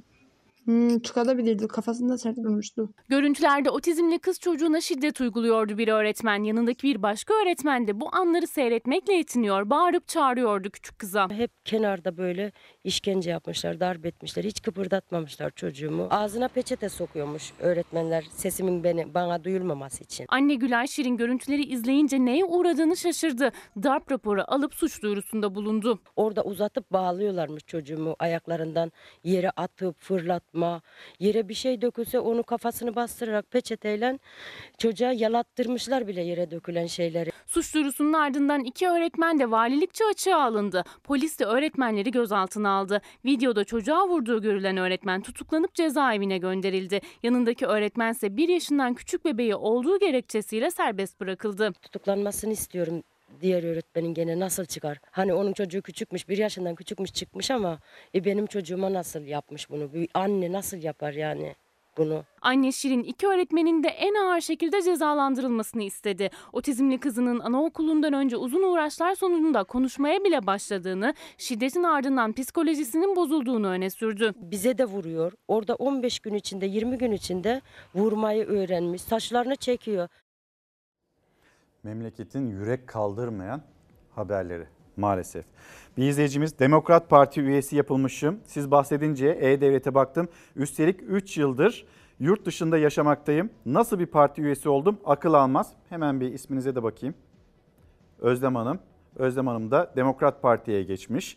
Yavaş yavaş böyle insanlar siyasi partilere üye oluyorlar. Nevin Hanım, e, günaydın. İlker Bey er ya da geç gerçeklerin su yüzüne çıkmak gibi bir huyu vardır. Bu mesajı paylaşıyor bizimle. Sincan Belediyesi pandemide esnaflığı bırakıp asgari ücretli sigortalı bir işe girmeme rağmen dükkanın eski borcu olan 10.300 lira için maaşıma blok, bloke koydu. 5.500 lira maaşım var taksit yapmıyorlar. Bir hafta oldu ailecek zor durumdayız. Yine e, Murat Erdemci'nin de sesini duymuş oldum. Umutlar kırılmaz. Burak Sakçı gösterelim. Cam kemik hastalığıyla yaşanan umut dolu bir mücadele. Hasbihal Doktor Ali Yılmaz'ın çalışması ve Anadolu Rüzgarı derleyen Ahmet Kurt kitaplarımızı gösterelim. Şimdi tiyatro sahnesine gidiyoruz. Ben de nefret ettim onlardan. Nefes alışımızı bile izliyorlardı. Hayatımız, memleketimiz, ailemiz paramparça olmuştu. Ben annemin kucağında bebekmişim. Bizim eve de gelmişler. Bugüne kadar birçok eserde imzası olan usta sanatçı Zülfü Livaneli ilk kez bir tiyatro oyunu yazdı.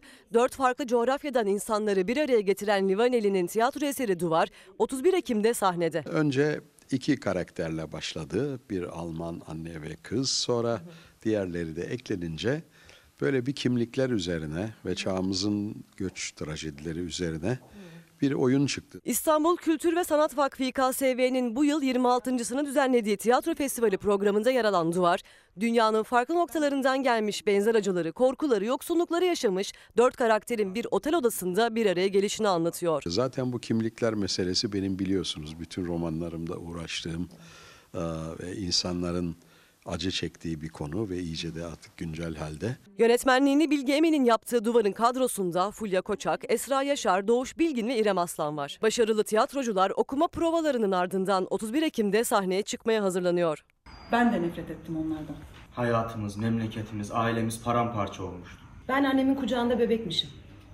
Bizim eve de gelmişler. Şimdi Trabzon'a gideceğiz ama mesaj yağıyor. Evimde yabancı var diyen mi istersiniz? Bir e, partiye aidiyet, bir kayıt yapıldı. E, onu anlatan mı istersiniz? Bakın Murat Bey de Ankara'dan yazıyor. Haberlerinizi izledim. E-Devlet'e girip baktım haberim olmadan Ankara Sincan AK Parti Teşkilatı'na göstereyim. Haberim olmadan Ankara Sincan AK Parti Teşkilatı'na üyeliğim çıktı. Sistem üzerinden iptal ettim. Ne derece güvenilir bilmiyorum. Hodri meydan. Maaşlara zam dışında fiyatların artırılmamasını da istiyoruz.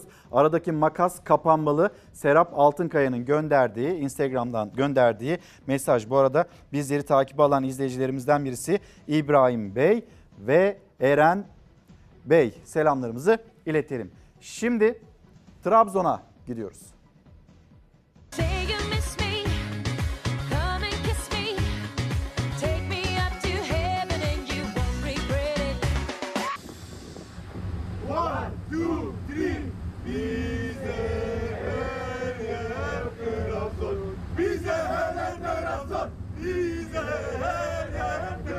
Pasifik Okyanusu'nun ortasında bize her yer Trabzon dedi. Trabzonlu kaptan Filipinli mürettebatıyla dans etti.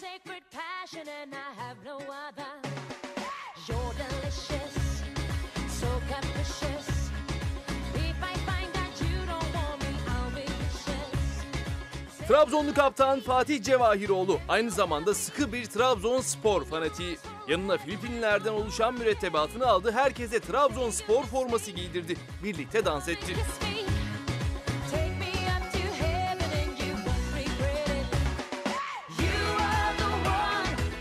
Kaptan ve mürettebatı Pasifik Okyanusu'nun ortasında üçlü de çekti. One, two, three. Bize Trabzonlu kaptan ve mürettebatının dansı da büyük beğeni topladı.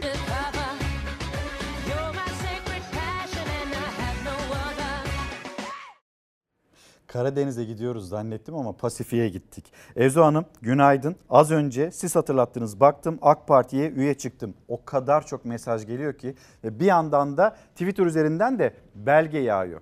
Şimdi de SMA'lı bebeklerimiz.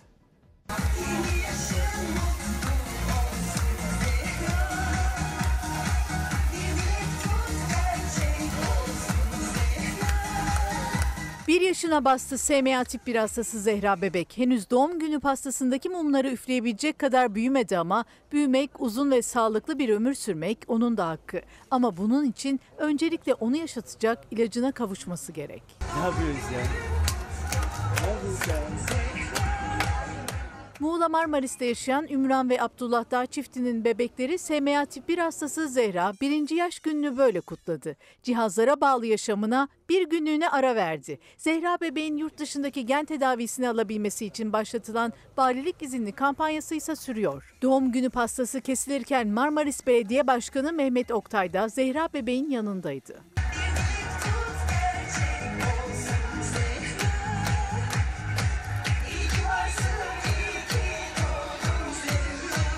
Pera 9 günlükkenden beri e, beşiğinde büyümesi gerekirken hastane ortamında büyüyor. İzmir'de Temmuz ayında dünyaya gelen Pera bebek de 2,5 aylık oldu. Başkes çiftinin bebeklerine doğduktan 9 gün sonra SMA tip 1 tanısı konuldu. 9 günlükken biz Pera'nın SMA savaşçısı olduğunu öğrendik. Pera bebek için zaman kaybetmeden valilik izinli kampanya başlatıldı. Dubai'deki gen tedavisine bir an önce ulaşması, iyileşmesi gerekiyor. Ya inanın hastane dışında bir yere götüremiyorum. Yani hiç böyle hayal etmemiştim.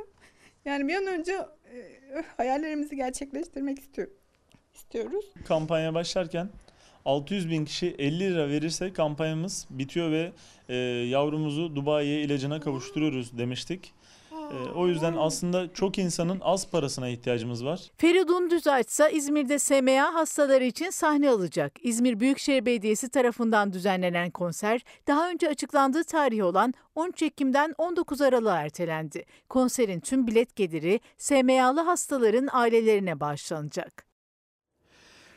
Vizyondakiler diyerek reklam. An evil is coming that threatens our kingdom. But we have a weapon. Oscar ödüllü Viola Davis'in başrolünde yer aldığı merakla beklenen Kadın Kral bu hafta vizyonda. Maneska, you are asking me to take them to war. Some things are worth fighting for. Davis'in performansıyla şimdiden çok konuşulduğu Kadın Kral, efsaneye dönüşen bir savaşçıya verdiği özgürlük mücadelesine odaklanıyor. We are the spear of victory. We are the blade of freedom. We are Dahomey. İlki 1978 yılında gösterime girdi. Korku filmleri arasında bir klasik haline geldi. Cadılar Bayramı'nın son filmi hayranlarıyla buluşuyor.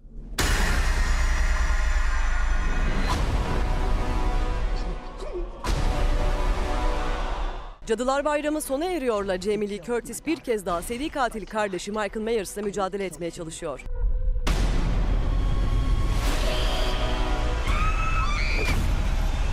Taziyeniz var biliyorum. Biz de çok üzüldük. Üç aydır tek kuruş almadık. Dolunay Soysert, Nehir Erdoğan ve Serkan Ercan'ı bir araya getiren Hara, çiftlikte büyüyen bir çocuğun hayatındaki zorluklarla başa çıkma hikayesini anlatıyor. Sen değiştin mi mesela? Kalçası çıkıp doğan Tay, şimdi yarışlar kazanan Turagay'dır. Hikayenin kahramanı ve bize ilham veren kişi de benim babamdır. Komedi ve bilim kurguyu harmanlayan Fransız yapımı Kurtarıcı, dünyayı kurtarmak için ailelerine ait değerli eşyaları satan bir grup çocuğun macerasına odaklanıyor.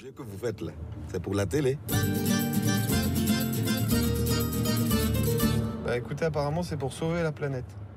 Günaydın bir kez daha 3 kitap daha gösterip öyle vedalaşalım. Bülent Şık, Çocuklar ve Gıda Güvenliği, Anne ve Babalar için bir rehber.